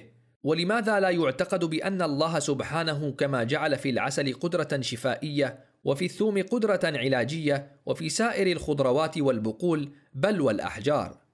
وقد روى الجمهور في كتبهم عن أن غبار المدينة يشفي من الجذام. وفي جامع الأصول لابن الأثير عن سعد قال لما رجع رسول الله صلى الله عليه وآله وسلم من تبوك تلقاه رجال من المخلفين من المؤمنين فأثاروا غبارا فخمر أو غطى بعض من كان مع رسول الله صلى الله عليه وآله وسلم أنفه فأزال رسول الله اللثام عن وجهه وقال والذي نفسي بيده إن في غبارها شفاء من كل داء. وقد صحت الأخبار الكثيرة عن أهل البيت عليهم السلام في تأثير تربة قبر الحسين في شفاء الأمراض وعضدها ما لا يحصى كثرة من التجارب العلمية في مختلف الأعصار. مما يضعف احتمال أن يكون الشفاء حاصلا لأجل الأثر النفسي والاستعداد الداخلي للتفوق على المرض فقط. فمن تلك الأخبار واحد ما رواه في الكافي وهو موثق ابن أبي يعفور قال قلت لأبي عبد الله عليه السلام يأخذ الإنسان من طين قبر الحسين عليه السلام فينتفع به ويأخذ غيره ولا ينتفع به. فقال لا والله الذي لا إله إلا هو ما أخذه أحد وهو يرى أن الله ينفعه به إلا نفعه به. اثنان وخبر يونس بن الربيع عن أبي عبد الله عليه السلام قال إن عند رأس الحسين عليه السلام تربة حمراء فيها شفاء من كل داء إلا السام قال فأتينا القبر بعدما سمعنا هذا الحديث فاحتفرنا عند رأس القبر فلما حفرنا قدر ذراع ابتذرت علينا من رأس القبر مثل السهلة حمراء قدر الدرهم فحملناها إلى الكوفة فمزجناها وأقبلنا نعطي الناس يتداوون بها. ثلاثة وفي كامل الزيارات نقل رواية سليمان البصري عن أبي عبد الله عليه السلام قال: في طين قبر الحسين عليه السلام الشفاء من كل داء وهو الدواء الأكبر. أربعة مرسلة محمد بن إسماعيل عن الصادق عليه السلام قال: إن طين قبر الحسين عليه السلام شفاء من كل داء. وأما عن اختصاص تربة الحسين عليه السلام أو اشتراك تراب قبور سائر الأئمة عليهم السلام في تلك الميزة فالذي يظهر أن هناك اتفاقا بين علمائنا على اختصاص تراب قبر الحسين بجواز الأكل للاستشفاء بالرغم من أن هناك بعض الروايات يستفاد منها أن تراب سائر قبور المعصومين عليهم السلام أيضا يجوز الاستشفاء منها. لكن أعرض عنها الأصحاب خصوصا مع وجود روايات ناهية عن ذلك مثل فإن كل تربة لنا محرمة إلا تربة الحسين معللة في بعضها أن ذلك من مختصات تربة الحسين عليه السلام. ففي كتاب الأطعمة والأشربة يذكر العلماء أنه يحرم أكل الطين ولكن قد استثنى من ذلك طين قبر الحسين بمقدار يسير. بعضهم حده بمقدار الحمصة لأجل الاستشفاء وأنه لا يلحق بذلك قبور سائر المعصومين عليهم السلام في جواز أكل طين قبورهم. بل في رواية عن الإمام الكاظم عليه السلام نهي عن أخذ شيء من تربة قبره ولا تأخذوا من تربتي شيئا لتبركوا به فإن كل تربة لنا محرمة إلا تربة جدي الحسين بن علي عليه السلام فإن الله عز وجل جعلها شفاء لشيعتنا وأوليائنا. أما القرب والبعد عن القبر فلا شك أنه كلما كانت التربة مأخوذة من قرب القبر كان أفضل وهناك روايات فيها أنه يؤخذ من عند القبر على سبعين ذراعا بل في بعضها أربعة أميال والجمع بينها كما ذكر العلماء هو بتفاوت درجات الفضيلة بحسب القرب والبعد عن القبر الشريف. سؤال عن كنية الحسين بأبي عبد الله. لماذا كني الحسين عليه السلام بأبي عبد الله؟ مع أنه الولد الأصغر هل ذلك لعظم مصيبته؟ الجواب. الكنية وهي ما صدر بأب أو ابن أو أخ أو بنت هي أسلوب من أساليب التكريم والإحترام. يوجد لدى المجتمعات العربية والأصل فيها أن يكن الشخص باسم ابنه الأكبر فإن لم يكن له ذكر كني باسم ابنته. وأصبح من المعروف في المجتمع العربي أن المناداة بالكنية تعني التوقير والإحترام بخلاف المناداة بالاسم المجرد حتى أنه ورد أيضا في الحديث الشريف عن الإمام أبي عبد الله الصادق عليه السلام أنه قال: من السنة والبر أن يكن الرجل باسم ابنه، وفي نسخة أبي، وبناء على الأول يكون من المستحب للناس والبر منهم أن يكنوا الرجل باسم ابنه، وبناء على الثاني يكون من المستحب له أن يكتني باسم أبيه، فتكون كنيته باسم والده، فلو كان اسم والده عبد الله فليتكنى بأبي عبد الله. وليست الكنية مقصورة على من كان لديه ولد بالفعل بل حتى لو كان صغيرا وليس من شأنه أن يكون له ولد يستحب تكنيته. فهذا عبد الله بن مسعود كناه رسول الله صلى الله عليه وآله وسلم أبا عبد الرحمن قبل أن يولد له كما في المستدرك صفحة 313 وهذا محمد بن طلحة كناه صلى الله عليه وآله وسلم أبا القاسم وهو رضيع. وهذا أخو أنس بن مالك بين عينيه كناه رسول الله صلى الله عليه وآله وسلم بأبي عمير وكان صغيرا لم يبلغ الحلم. وهذا أنس كناه صلى الله عليه وآله وسلم أبا حمزة ولا حمزة له. وفي الحديث عن أبي جعفر الباقر عليه السلام أنه قال إنا لنكني أولادنا في صغرهم مخافة النبز أن يلحق بهم. وكان العرب يكنون أبناءهم منذ الصغر تفاؤلا بأن يعيشوا ويولد لهم أولاد وتبقى كنيتهم كذلك. ونحن نعتقد أن كنية الحسين كانت بهذا النحو وأن النبي المصطفى قد كناه بأبي عبد الله منذ صغره. ربما لبره صلوات الله عليه بأبيه عبد الله. وهذا الأمر الذي وجه به محمد بن طلحة الشافعي حديثا في صفة المهدي واسم أبيه اسم أبي. ولم أعثر فيما لدي من المصادر عن نص صريح يوثق قيام النبي صلى الله عليه وآله وسلم بتكنية الحسين. إلا أن تولي النبي تكنية آخرين حتى وهم صغار السن كما ذكر آنفا في محمد بن طلحة وأخي أنس بن مالك مما يشير لاستحباب ذلك من جهة وتولي النبي المصطفى لأمور سبطه حتى فيما يرتبط باسمه وأن عليا وفاطمة لم يسبقا النبي بتسميته. قد يشير إلى هذا المعنى مع ملاحظة أن أبا عبد الله كنيته الوحيدة. نعم قد نقل أن النبي كان يقبله ويقول عزيز علي أبا عبد الله. فإذا تم هذا الكلام فإنه يكون أقدم حادثة تشير إلى هذه الكنية. وبناء على ما تقدم فهناك اعتقاد بأن كنية الحسين عليه السلام بأبي عبد الله كانت منذ صغره للاستحباب الذي ذكرناه أو تفاؤلا ببقائه أو هما معا. فلما صارت هذه كنيته وفرضنا أنها من الرسول صلى الله عليه وآله وسلم لم تتغير حتى بعد أن أنجب الإمام عليه السلام ولده الأكبر عليا ثم السجاد. ملحق. تساؤلات حول كتاب المنتخب للطريحي. جرت العادة في مجالس عاشوراء في مناطقنا على قراءة السيرة قبل خطابة الخطيب. كما جرت العادة على أن يكون المقروء من السيرة هو فصول ومقاطع من كتاب الفخري لفخر الدين الطريحي. وقد تختلف الحالة في سائر البلاد الشيعية أو تتفق. وقد لفت نظري منذ مدة بعض ما ورد فيه من الروايات. وكنت أتساءل عما إذا كان العالم الفحل الطريحي قد كتب كل هذا. وهذا مما حداني إلى مطالعة الكتاب بنحو دقيق. وكان نتيجة تلك المطالعة والمراجعة هذه الكلمات. من هو الشيخ فخر الدين الطريحي؟ في الذريعة كتب عنه الطهراني إنه فخر الدين بن محمد علي بن أحمد بن طريح النجفي له كتب متعددة منها. الرسالة النجفية في أمر النية والنكت اللطيفة في شرح الصحيفة. شفاء السائل في مستطرفات المسائل في علم مواقيت الصلاة. والضياء اللامع في شرح المختصر النافع. وأما كتابه فقد كتب عنه في الذريعة في الجزء الثاني والعشرين صفحة 420 تحت رقم 7696 المنتخب في جمع المراثي والخطب للشيخ فخر الدين بن محمد علي بن أحمد بن طريح النجفي. المتوفى سنة 85 وألف. مرتب على عشرين مجلس. وفي كل مجلس أبواب. وفي كل باب يذكر شيئا من فضائل أهل البيت ومراثيهم.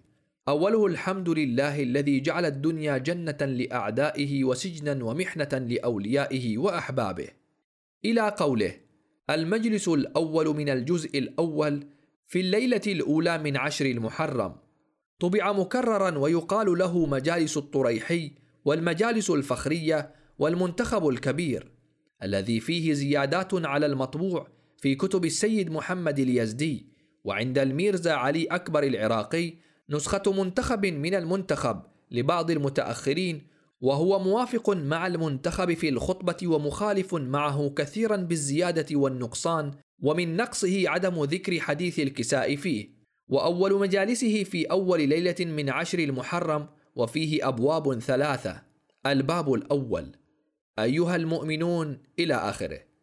وفي حاشية الكتاب نقل حديث الكساء مختصرا عن نهج المحجة الذي هو تأليف الشيخ علي نقي بن الشيخ أحمد بن زين الدين الأحسائي.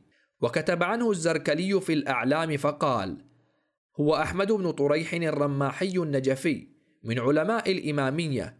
له مجمع البحرين ومطلع النيرين في تفسير غريب القرآن والحديث والمنتخب في جمع المراثي والخطب وغريب الحديث وجامع المقال فيما يتعلق بأحوال الحديث والرجال وكشف غوامض القرآن وجواهر المطالب في فضائل علي بن أبي طالب ومراثي الحسين ونزهة الخاطر وسرور الناظر مصور في مكتبة جامعة الرياض الفيلم الثاني والتسعين 211 ورقة في بيان لغات القرآن وغير ذلك توفي في الرماحية ونقل إلى النجف. وقد تحدث عنه المحقق السيد أحمد الحسيني في مقدمة كتاب مجمع البحرين فقال ما ملخصه؟ ولد في النجف الأشرف سنة 979 للهجرة ونشأ نشأته العلمية في أحضان والده الكريم وعمه الشيخ محمد حسين الطريحي وأكب على العلم والدراسة عندهما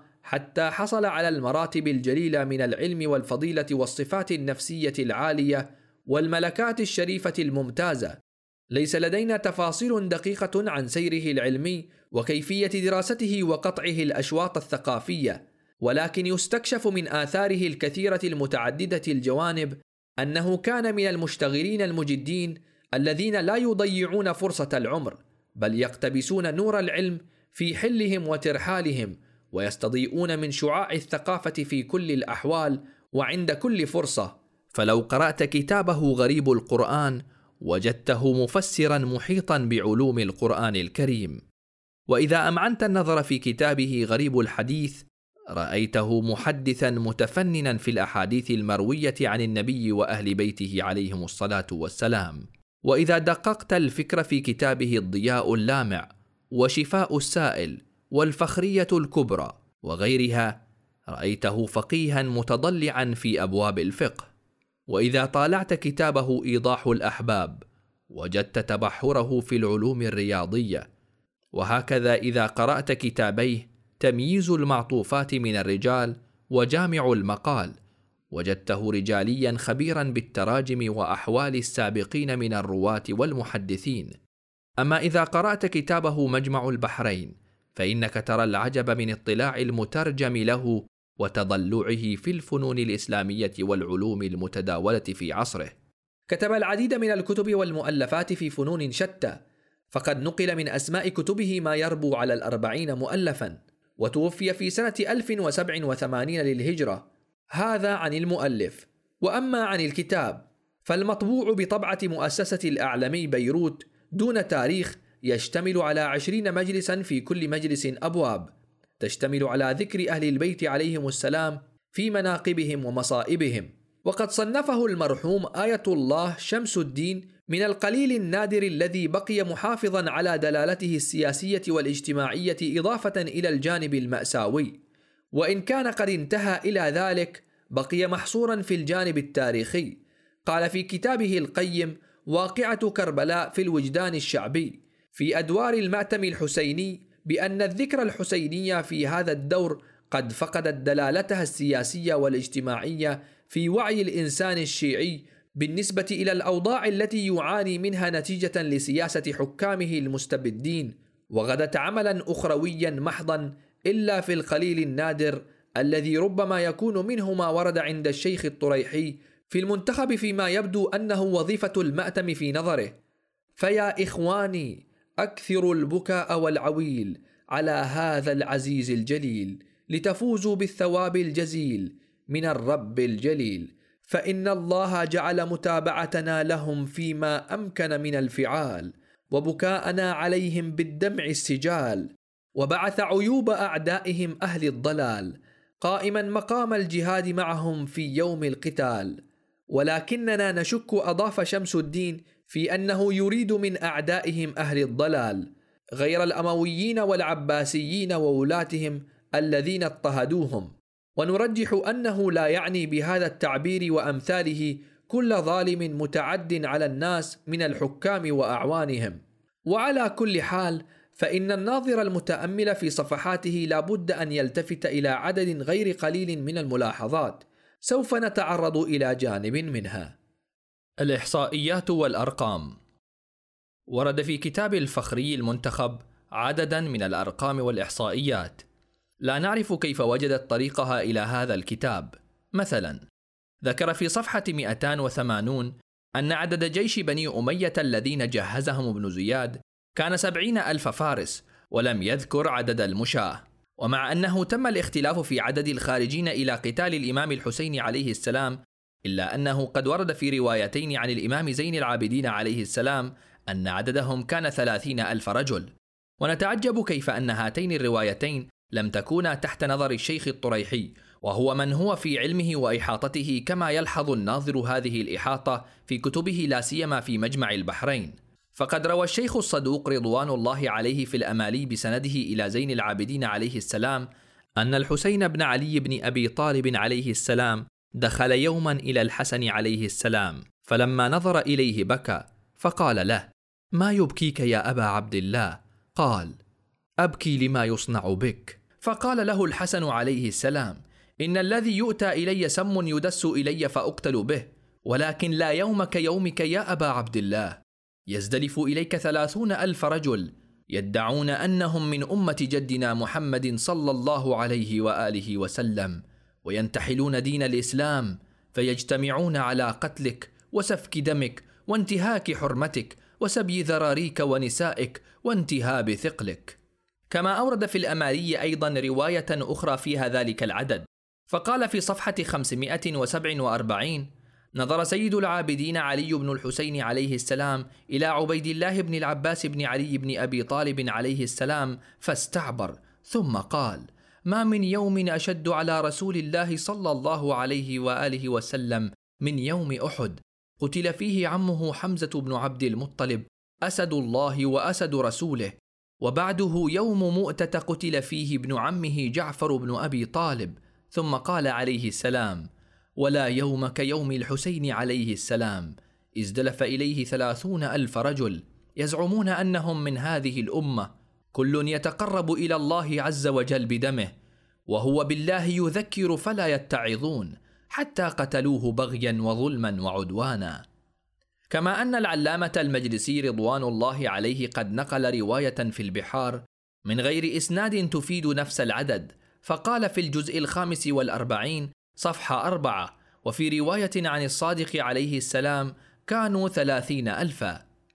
كما أنه قد ذكر في المنتخب أن عدد الذين قتلهم الحسين عليه السلام ما يزيد على عشرة آلاف فارس ولا يبين فيهم لكثرتهم.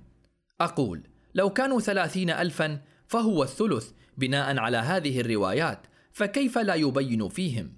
بل حتى لو كانوا سبعين ألفا فإن معنى ذلك أن سبعهم قد قتل وربما يغفر في قصائد الحماسة والشعر التهاون بالأعداد مثل قوله جاءوا بسبعين ألفا سل بقيتهم هل قابلونا وقد جئنا بسبعين؟ أو مثل قول السيد حيدر في تصوير كثرة الجيش بجمع من الناس سد الفروج وغطى الجبال وغيطانها وطى الوحوش إذ لم يجد مهربا وغادرت الطير أوكانها. أو قول الآخر بجحافل بالطف أولها وأخيرها بالشام متصل. فهذه طبيعة الشعر القائم على مخاطبة الخيال والذي يعتمد فيه المبالغة والإكثار حتى لقد قالوا أعذب الشعر أكذبه. فأنت ترى الصورة الخارجية الحقيقية بنحو حتى إذا قرأتها في قصيدة وصفية وجدت عالما آخر أكبر عشرات أو مئات المرات من الواقع. إلا أنه لا ينبغي أن يكون هذا في الكتب التاريخية ولا سيما لو كانت منسوبة إلى علماء محققين. وأفاضل كالشيخ فخر الدين. مشكلة الأعمار في المنتخب يلاحظ المتتبع في المنتخب أن أعمار أهل البيت عليهم السلام لم يقل بها أحد من المؤرخين ولا الناقلين، فهو يذكر أن عمر علي الأكبر كان سبعة عشر سنة، وأنه بقي بعد أبي الفضل العباس لكي يأتي بالماء للطفل بعد شهادة العباس فراجع صفحة 443 فإنه لم يقل أحد بأن عليا الأكبر كان في هذا السن عندما استشهد. وهكذا في مثل قوله إن عمر الإمام علي بن الحسين السجاد كان إحدى عشرة سنة عند شهادة أبيه كما يلحظ ذلك في صفحة 314 بينما في صفحة 283 تردد بين عشر سنوات وبين أحد عشر سنة. وهو مخالف لما ذكره كل من تحدث في سيرة الإمام عليه السلام. الذين اتفقت كلمتهم على أنه قد ولد في زمان أمير المؤمنين عليه السلام. ومن المعلوم أن أمير المؤمنين عليه السلام قد استشهد في سنة أربعين للهجرة. وبناء على ما ذكره الكليني يكون عمره الشريف عند شهادة والده الحسين 22 سنة أو تزيد قليلا. وهذا يعني ضعف العدد الذي ذكره في المنتخب. وكذلك فإن من الثابت أن الإمام الباقر عليه السلام كان قد حضر كربلاء وهو صغير له سنتان أو أكثر. ولا ينسجم هذا مع كون الإمام زين العابدين حينئذ له من العمر إحدى عشرة سنة. ومن المعروف أيضا أن عليا الشهيد المعروف بالأكبر أسن من أخيه زين العابدين عليه السلام. قضايا تاريخية متفرقة. سوف نتعرض إلى بعض ما ورد في الكتاب من قضايا تاريخية لا يمكن التسليم بها لمخالفتها للمعروف والثابت تاريخيا وسنكتفي ببعضها لبيان مواضع الخلل فيها. واحد. مقتل سيد الشهداء حمزة بن عبد المطلب.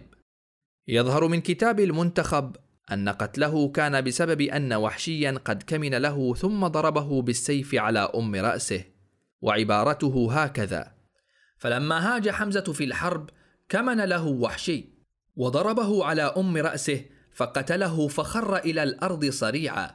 صفحة 221 لكن المؤرخين ينقلون صورة غير هذه وأنه إنما كان وحشي راميا مشهورا بالحربة فعهدت إليه هند أنه لو قتل أحد الثلاثة رسول الله أو عليا أو حمزة فقد قال الشيخ المفيد في الإرشاد وكانت هند ابنة عتبة جعلت لوحشي جعلا على أن يقتل رسول الله صلى الله عليه وآله وسلم أو أمير المؤمنين علي بن أبي طالب أو حمزة بن عبد المطلب عليه السلام.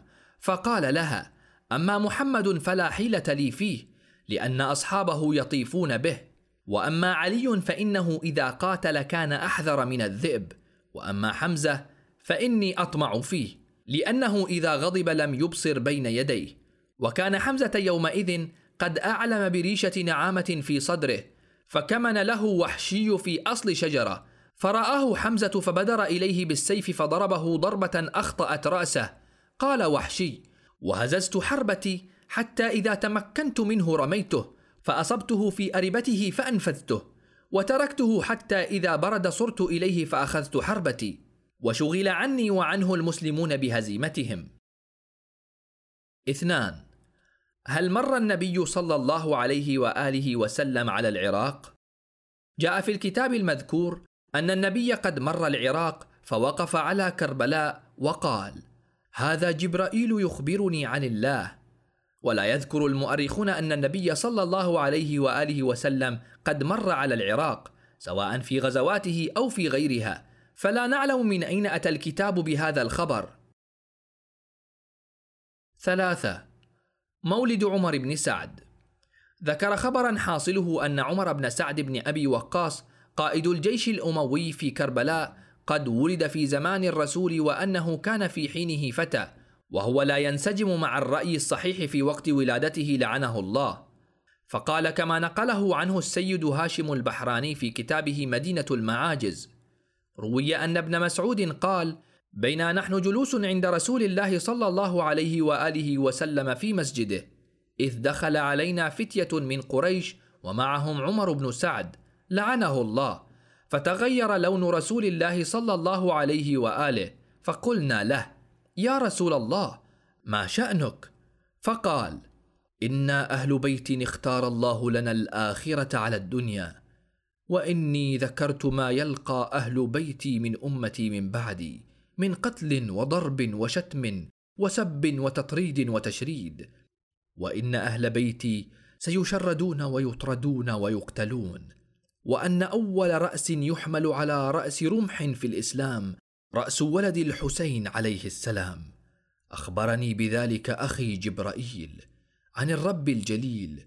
وكان الحسين عليه السلام حاضرا عند جده في ذلك الوقت فقال يا جداه فمن يقتلني من أمتك؟ فقال يقتلك شرار الناس. وأشار النبي صلى الله عليه وآله وسلم إلى عمر بن سعد لعنه الله. فصار أصحاب رسول الله صلى الله عليه وآله وسلم إذا رأوا عمر بن سعد داخلا من باب المسجد يقولون هذا قاتل الحسين عليه السلام. قال وجعل عمر بن سعد كلما لقي الحسين عليه السلام يقول يا أبا عبد الله إن في قومنا اناسا سفهاء يزعمون أني أقتلك. فيقول له الحسين عليه السلام والله إنهم ليسوا بسفهاء ولكنهم أناس حلماء. أما أنه ستقر عيني حيث لا تأكل من بر الري من بعد قتلي إلا قليلا ثم تقتل من بعدي عاجلا. والذي يظهر أن الحديث كما ذكر المحشي على مدينة المعاجز ملفق من الحقائق والأباطيل. فإن فقرات من الخبر المذكور قد وردت في كتب الحديث والرجال مثل أنهم كانوا إذا رأوه داخلا من باب المسجد قالوا هذا قاتل الحسين وفقرة إن في قومنا أناسا ولكن ترتيب الرواية بحيث تبدو وكأنها صادرة عن النبي صلى الله عليه وآله وسلم. وأن عمر بن سعد دخل في فتية من قريش على رسول الله ليس بصحيح. ذلك أن الميلاد المشؤوم لعمر بن سعد كان في سنة وفاة الخليفة الثاني عمر بن الخطاب أي في سنة 23 للهجرة. كما جزم بذلك ابن معين وغيره. ولذا فقد نفى كثير من الرجاليين كونه في عداد صحابة النبي صلى الله عليه وآله وسلم أو صغارهم.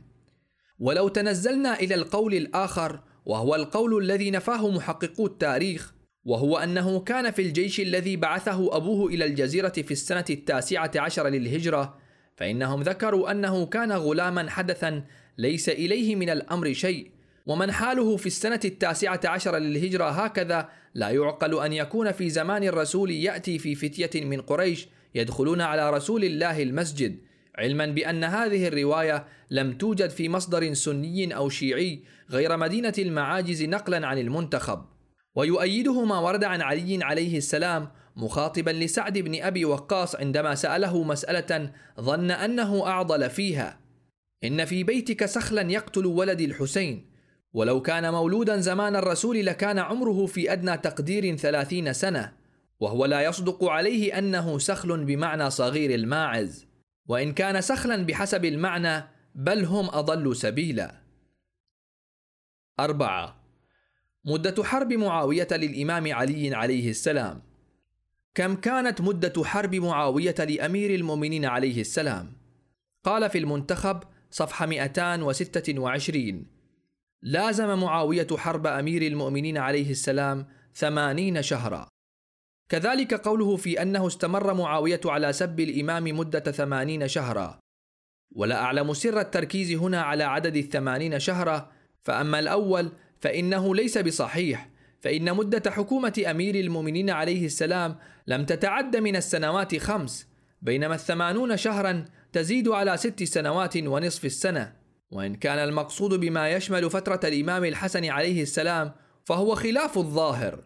وأما استمرار معاوية على لعن أمير المؤمنين عليه السلام فكانت طيلة فترة حكومته وسلطته التي امتدت إلى سنة ستين للهجرة أي إلى عشرين سنة بعد شهادة أمير المؤمنين عليه السلام. خمسة. قصيدة الفرزدق. هل أنشأها أو قرأها الفرزدق على الإمام الحسين؟ من المعروف أن الفرزدق بن غالب كان قد أنشأ قصيدته الميمية يا سائلي أين حل الجود والكرم؟ على البديهة في مدح الإمام زين العابدين في قصة طوافه بالبيت وانفراج الناس من بين يديه. وقد ذكرها المصنفون الذين تعرضوا لحياة الإمام وأولئك الذين أرخوا حياة الفرزدق. لكننا نجد في المنتخب شيئا غير هذا. فقد ورد في صفحة 111 أنه لما التقى الفرزدق الحسين عليه السلام في طريق مكة ثم ودعه وقال قلت أبياتا قبل اليوم فيه وأحب أن تسمعها. يقول لابن عمه فقال نعم. فقال الفرزدق أنا القائل فيه وفي أبيه وأخيه وجده هذه الأبيات. هذا الذي تعرف البطحاء وطأته والبيت يعرفه والحل والحرم. ستة. عمر بن سعد في الشام أو الكوفة. المذكور تاريخيا أن عمر بن سعد كان في الكوفة قبيل مجيء عبيد الله بن زياد وأنه كان يستعد للذهاب إلى ولاية دستبة بلد في الديلم حتى إذا جاء ابن زياد أمره أن يصير إلى حرب الحسين عليه السلام. غير أن ما في المنتخب ينتهي إلى أنه كان مع يزيد في الشام وأنه أرسله إلى الكوفة بكتاب. ففي صفحة 423 فلما قرأ يزيد الكتاب أنفذ إلى الكوفة عمر بن سعد لعنه الله وكتب إلى عبيد الله بن زياد وكان في البصرة كتابا يستنهضه على الرحيل إلى الكوفة. سبعة. زيد بن أرقم.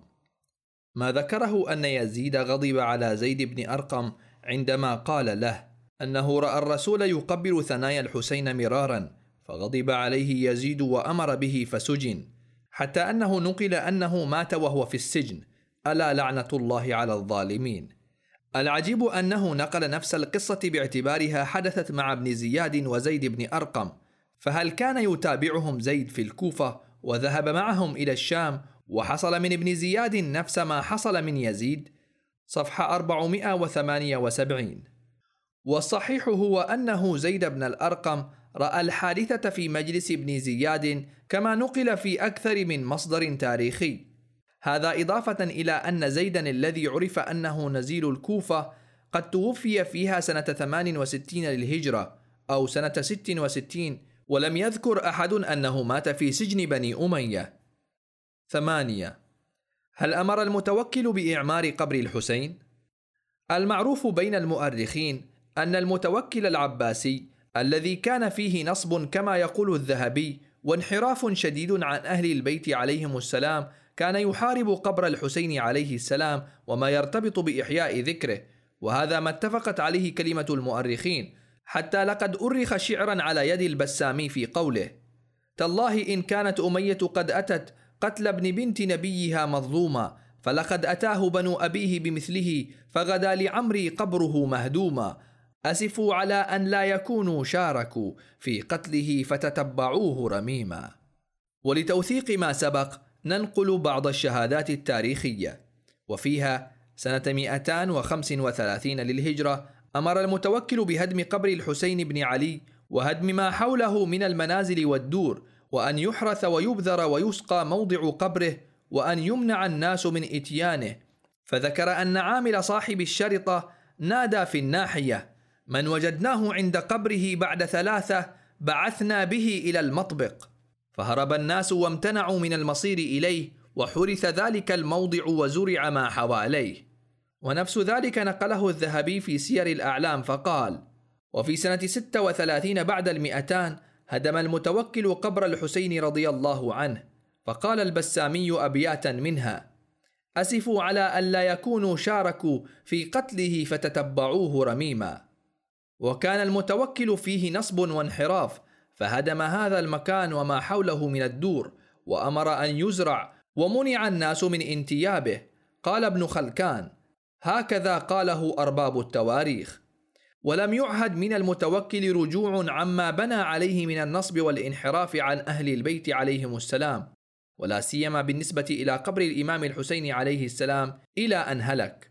غير أن هذه الحقائق تتغير في المنتخب ليحل محلها قصة زيد المجنون الذي رأى البهلول في الكوفة فتحادثا حول قصة القبر الحسيني إلى أن هام زيد المجنون على وجهه وذهب إلى الموكل على حراثة القبر الذي كان يحرث القبر منذ عشرين سنة واقتنع أخيرا بأن يمضي معه إلى المتوكل العباسي ويخبره بتوقف الماء عند قبر الحسين عليه السلام فصلبه المتوكل بعد قتله وسجن زيدا المجنون حتى رأى المتوكل من يرفسه ويأمره بإخراجه وقضاء حوائجه فطلب هذا عمارة قبر الحسين. والمناداه في الخلق بزيارته وأنهم غير ممنوعين عن ذلك فقضاها المتوكل له. هذا مع أن المتوكل العباسي لم يبق في الحكم سوى أربعة عشر سنة وعشرة شهور وهلك في سنة 247 للهجرة. فكيف يكون من عينه لحراثة قبر الحسين يفعل ذلك مدة عشرين سنة. وكيف يلتقي زيد المجنون كما في القصة ببهلول الذي في الكوفة مع أن بهلول الكوفة ابن عمرو الصيرفي قد توفي في سنة 190 للهجرة. إلا أن يكون بهلول آخر لا نعلم عنه. والعجيب أن هذه القصة مع ما فيها وللمتأمل أن ينظر تفاصيلها لكي يعلم مقدار الخلل الكبير فيها. قد نقلها العلامة المجلسي رضوان الله عليه في البحار بعنوان مما جاء في كتب بعض أصحابنا. ما يرتبط بأخبار واقعة كربلاء. لو تغاضى المتأمل عن الأخطاء التاريخية العامة التي لا ترتبط ارتباطا مباشرا بيوم عاشوراء فإنه يصعب التغاضي عن الأخطاء التي ترتبط بنفس اليوم وأحداثه. باعتبار أن الكتاب مدون لأجل قضية الحسين ومقتله. فلننظر ما يقوله في المنتخب. الخصال التي عرضها الإمام على يزيد. يظهر من بعض مواقع الكتاب أن الحسين قد خير يزيد في أحد ثلاث خصال. أخيرك في ثلاث خصال. تتركني حتى أرجع إلى حرم جدي. اسقوني شربة من الماء فقد نشفت كبدي من الظمأ. إن كان لابد من قتلي فليبرز إلي رجل بعد رجل. فرفض الأوليين وقبل الثالثة صفحة 451 في موضع آخر تراه يقول إنه أي الحسين مستعد لأن يذهب إلى أطراف الروم أو الهند ويخلي لهم العراق وأن لكم ألا أخاصمكم عند الله. فلا هو يريد قتالهم في الدنيا ولا خصومتهم في الآخرة. ثم ذكر أن العباس قد قال لهم ذلك عن الحسين فلما لم يردوا عليه جلس العباس يبكي. صفحة 313 وأرى أن الإعراض عن التعليق على ما جاء في الخبر أولى. مقتل القاسم بن الحسن عليه السلام. بالرغم من أن المنتخب قد ألف من أجل شرح ما جرى على الحسين وأصحابه في كربلاء إلا أن الناظر فيه يرى بعض الروايات المخالفة لما هو مذكور في كتب التاريخ ولم يعلم من أين أخذها المنتخب مثل ما ذكر في قضية مقتل القاسم بن الحسن عليه السلام. فانظر إلى ما ذكره. قال إنه بعدما ذهب إلى المعركة رجع وجلس مع ابنة عمه ثم ودعها وركب جواده وحماه في حومة الميدان ثم طلب المبارزة فجاءه رجل يعد بألف فارس وكان له أربعة أولاد مقتولين فضرب القاسم فرسه بصوت وعاد يقتل بالفرسان إلى أن ضعفت قوته فهم بالرجوع إلى الخيمة وإذا بالأزرق الشامي قد قطع عليه الطريق وعارضه فضربه القاسم على أم رأسه فقتله وسار القاسم إلى الحسين وقال يا عماه العطش العطش أدركني بشربة من الماء. فصبره الحسين وأعطاه خاتمه وقال حطه في فمك ومصه. قال القاسم فلما وضعته في فمي كأنه عين ماء فارتويت وانقلبت إلى الميدان. وجعل همته على حامل اللواء وأراد قتله فاحتاطوا به بالنبل فوقع القاسم على الأرض فضربه شيبة بن سعد الشامي بالرمح على ظهره فأخرجه من صدره فوقع القاسم يخور في دمه إلى آخره.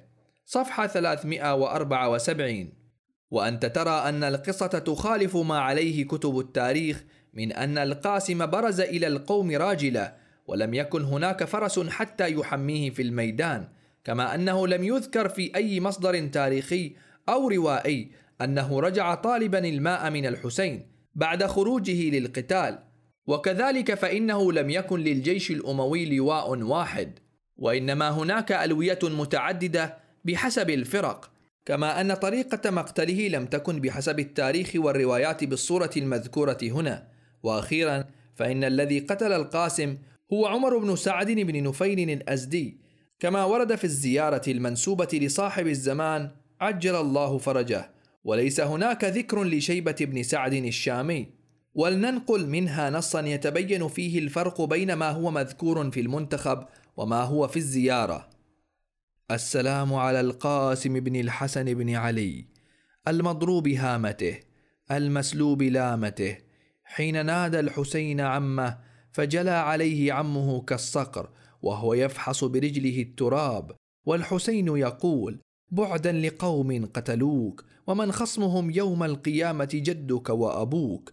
ثم قال عز والله على عمك أن تدعوه فلا يجيبك أو يجيبك وأنت قتيل جديل فلا ينفعك. هذا والله يوم كثر واتره وقل ناصره. جعلني الله معكما يوم جمعكما وبوأني مبوأكما. ولعن الله قاتلك عمرو بن سعد بن نفيل الأزدي وأصلاه جحيما. وأعد له عذابا أليما. مقتل أبي الفضل العباس عليه السلام. يذكر كتاب السيرة وتؤكده الزيارة المنسوبة للإمام الحجة عجل الله فرجه على أن الذي قطع يمين العباس عليه السلام ويساره زيد بن رقاد وحكيم بن الطفيل. غير أننا نجد في المنتخب اسما جديدا هو نوفل الأزرق ولا نعلم من هو. ولم يذكر في مصدر تاريخي معتمد وما هو سر التركيز على الزرقة في مقتل القاسم والعباس وغيرهما هل هو تأثر بما ورد من أنه يعرف الكافرون بزرقة العيون؟ مقتل الحسين عليه السلام نقل فيه في المنتخب الرواية التي ناقشناها في القسم الثاني ويمكن الرجوع إلى السؤال الخاص بكيفية قتل الحسين عليه السلام ومن الذي احتز رأسه لتبين الأمر. نقل في صفحة كلاما كثيرا على أنه كان قد رأى مزارعا من بني أسد أسدا يتخطى الجثث فوقف ينظر هل يأكل منها أو لا يأكل. فلما لم يأكل سأل بعض من كان يبكي هناك من الجن كما في القصة عن هذا الأسد فقال هو أمير المؤمنين علي بن أبي طالب. وقد شن المحدث النوري رحمه الله غارة شعواء على من يشبه الإمام المعصوم عليه السلام أمير المؤمنين وهو أفضل الخلق بعد النبي صلى الله عليه وآله وسلم بحيوان من الحيوانات. شخصية يزيد في المنتخب من المسلمات بين المسلمين أن يزيد كان مستهترا بالقيم الدينية وإن كان شذ من هؤلاء من أشرب في قلوبهم حب العجل بل حكم الأكثر من علمائهم بكفره على أثر تصريحاته الكثيرة لا سيما في شعره. ليت أشياخي ببدر شهدوا جزع الخزرج من وقع الأسل فأهلوا واستهلوا فرحا ثم قالوا يا يزيد لا تشل. قد قتلنا القرم من ساداتهم وعدلناه ببدر فاعتدل. وزاد فيها بيتين مشتملين على صريح الكفر. لست من خندف إن لم أنتقم من بني أحمد ما كان فعل. لعبت هاشم بالملك فلا خبر جاء ولا وحي نزل. ويكفيه من مخازيه أنه حكم ثلاث سنوات فقتل في الأولى منها سبط رسول الله وسيد شباب أهل الجنة مع عدة نفر ما لهم على وجه الأرض شبيه. وسبى نساء الرسول سبي الكافرات. وفي الثانية أباح المدينة النبوية. وفي الثالثة هدم بناء الكعبة. وبتر الله عمره بعدها ولو مد له فيه لمد في آثامه. وهو الذي قال لي زينب إنما خرج من الدين أبوك وأخوك. وهو الذي وصفته سكينة بنت الحسين ما رأيت أقسى قلبا من يزيد ولا رأيت كافرا شرا منه ولا أجفى منه. لكن هذه الشخصية الكافرة الشريرة تتحول بقدرة قادر في المنتخب إلى شخصية أخرى رقيقة القلب تنتابه الهموم لأجل قتل الحسين ويبكي بل يلطم على وجهه لذلك. وأنه لما رأى أن ابن زياد قد قتل الحسين وسبى نساءه عض على أنامله حتى كاد يقطعها. نعم هكذا. وقال إنا لله وإنا إليه راجعون. والحق أن هذه ممارسات لا تتصل بيزيد إلا بمقدار ما تتصل السماء السابعة بتخوم الأرض. فانظر ما قاله في المجلس الأخير. العاشر من الجزء الثاني قالت هند فانتبهت من نومي فزعة مرعوبة وإذا بنور قد انتشر على رأس الحسين فجعلت أطلب يزيد وهو قد دخل إلى بيت مظلم وقد دار وجهه إلى الحائط وهو يقول ما لي وللحسين وقد وقعت عليه الهمومات هكذا فقصصت عليه المنام وهو منكس الرأس صفحة 497 وكذا الحال في صفحة 495 فلما سمع يزيد ذلك لطم على وجهه وبكى وقال ما لي ولقتل الحسين. وفي موضع آخر صفحة 481 ثم إنه أخذ كتابا بعثه إليه ابن زياد وقرأه فلما انتهى إلى آخره عض على أنامله حتى كاد يقطعها ثم قال إنا لله وإنا إليه راجعون. ودفعه إلى من كان حاضرا فلما قرأوه قال بعضهم لبعض هذا ما كسبت أيديكم فما كان إلا ساعة وإذا بالرايات قد أقبلت. ولا نريد أن نتتبع كل ما ورد من كلمات وإنما أوردنا ما سبق على نحو الاستشهاد والتمثيل. وكفى به شاهدا على أن الشخصية المقروءة في المنتخب لا تنتمي إلى يزيد أبدا. لمن المنتخب؟ بعد هذه الجولة السريعة في الكتاب يحق التساؤل لمن هو كتاب المنتخب؟ وهل أنه بالفعل للعالم الكبير فخر الدين الطريحي وهل أنه بكامله له؟ إن الشخصية التي ترسمها لنا كتب التراجم عن شخصية الشيخ فخر الدين الطريحي تعطي لنا شعورا بأننا أمام واحد من فحول العلماء الموسوعيين فلو قرأت كتابه غريب القرآن وجدته مفسرا محيطا بعلوم القرآن الكريم. وإذا أمعنت النظر في كتابه غريب الحديث رأيته محدثا متفننا في الأحاديث المروية عن النبي وأهل بيته عليهم الصلاة والسلام. وإذا دققت الفكر في كتابه الضياء اللامع وشفاء السائل والفخرية الكبرى وغيرها رأيته فقيها متضلعا في أبواب الفقه. وإذا طالعت كتابه إيضاح الأحباب وجدت تبحره في العلوم الرياضية وهكذا إذا قرأت كتابيه تمييز المعطوفات من الرجال وجامع المقال. وجدته رجاليا خبيرا بالتراجم وأحوال السابقين من الرواة والمحدثين.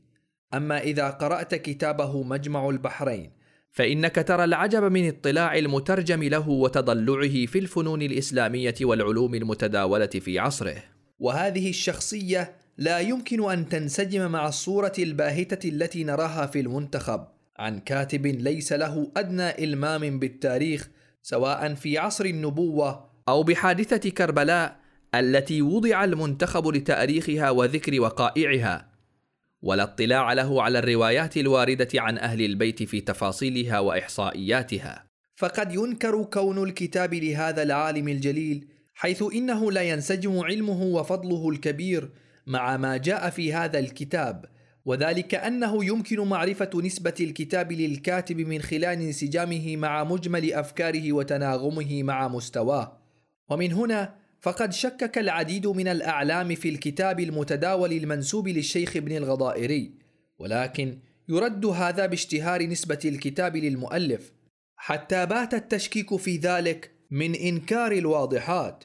ولو فتح هذا الباب لكان مشكلا في كل كتاب بل بات هذا الكتاب وطريقته محلا للتمثيل فيقال ألف فلان كتابا مثل المنتخب للطريحي كما يلاحظ المتتبع لكتاب الذريعة حيث ذكر كتبا كثيرة في المقتل وصفها بأن تصنيفها على غرار منتخب الطريحي.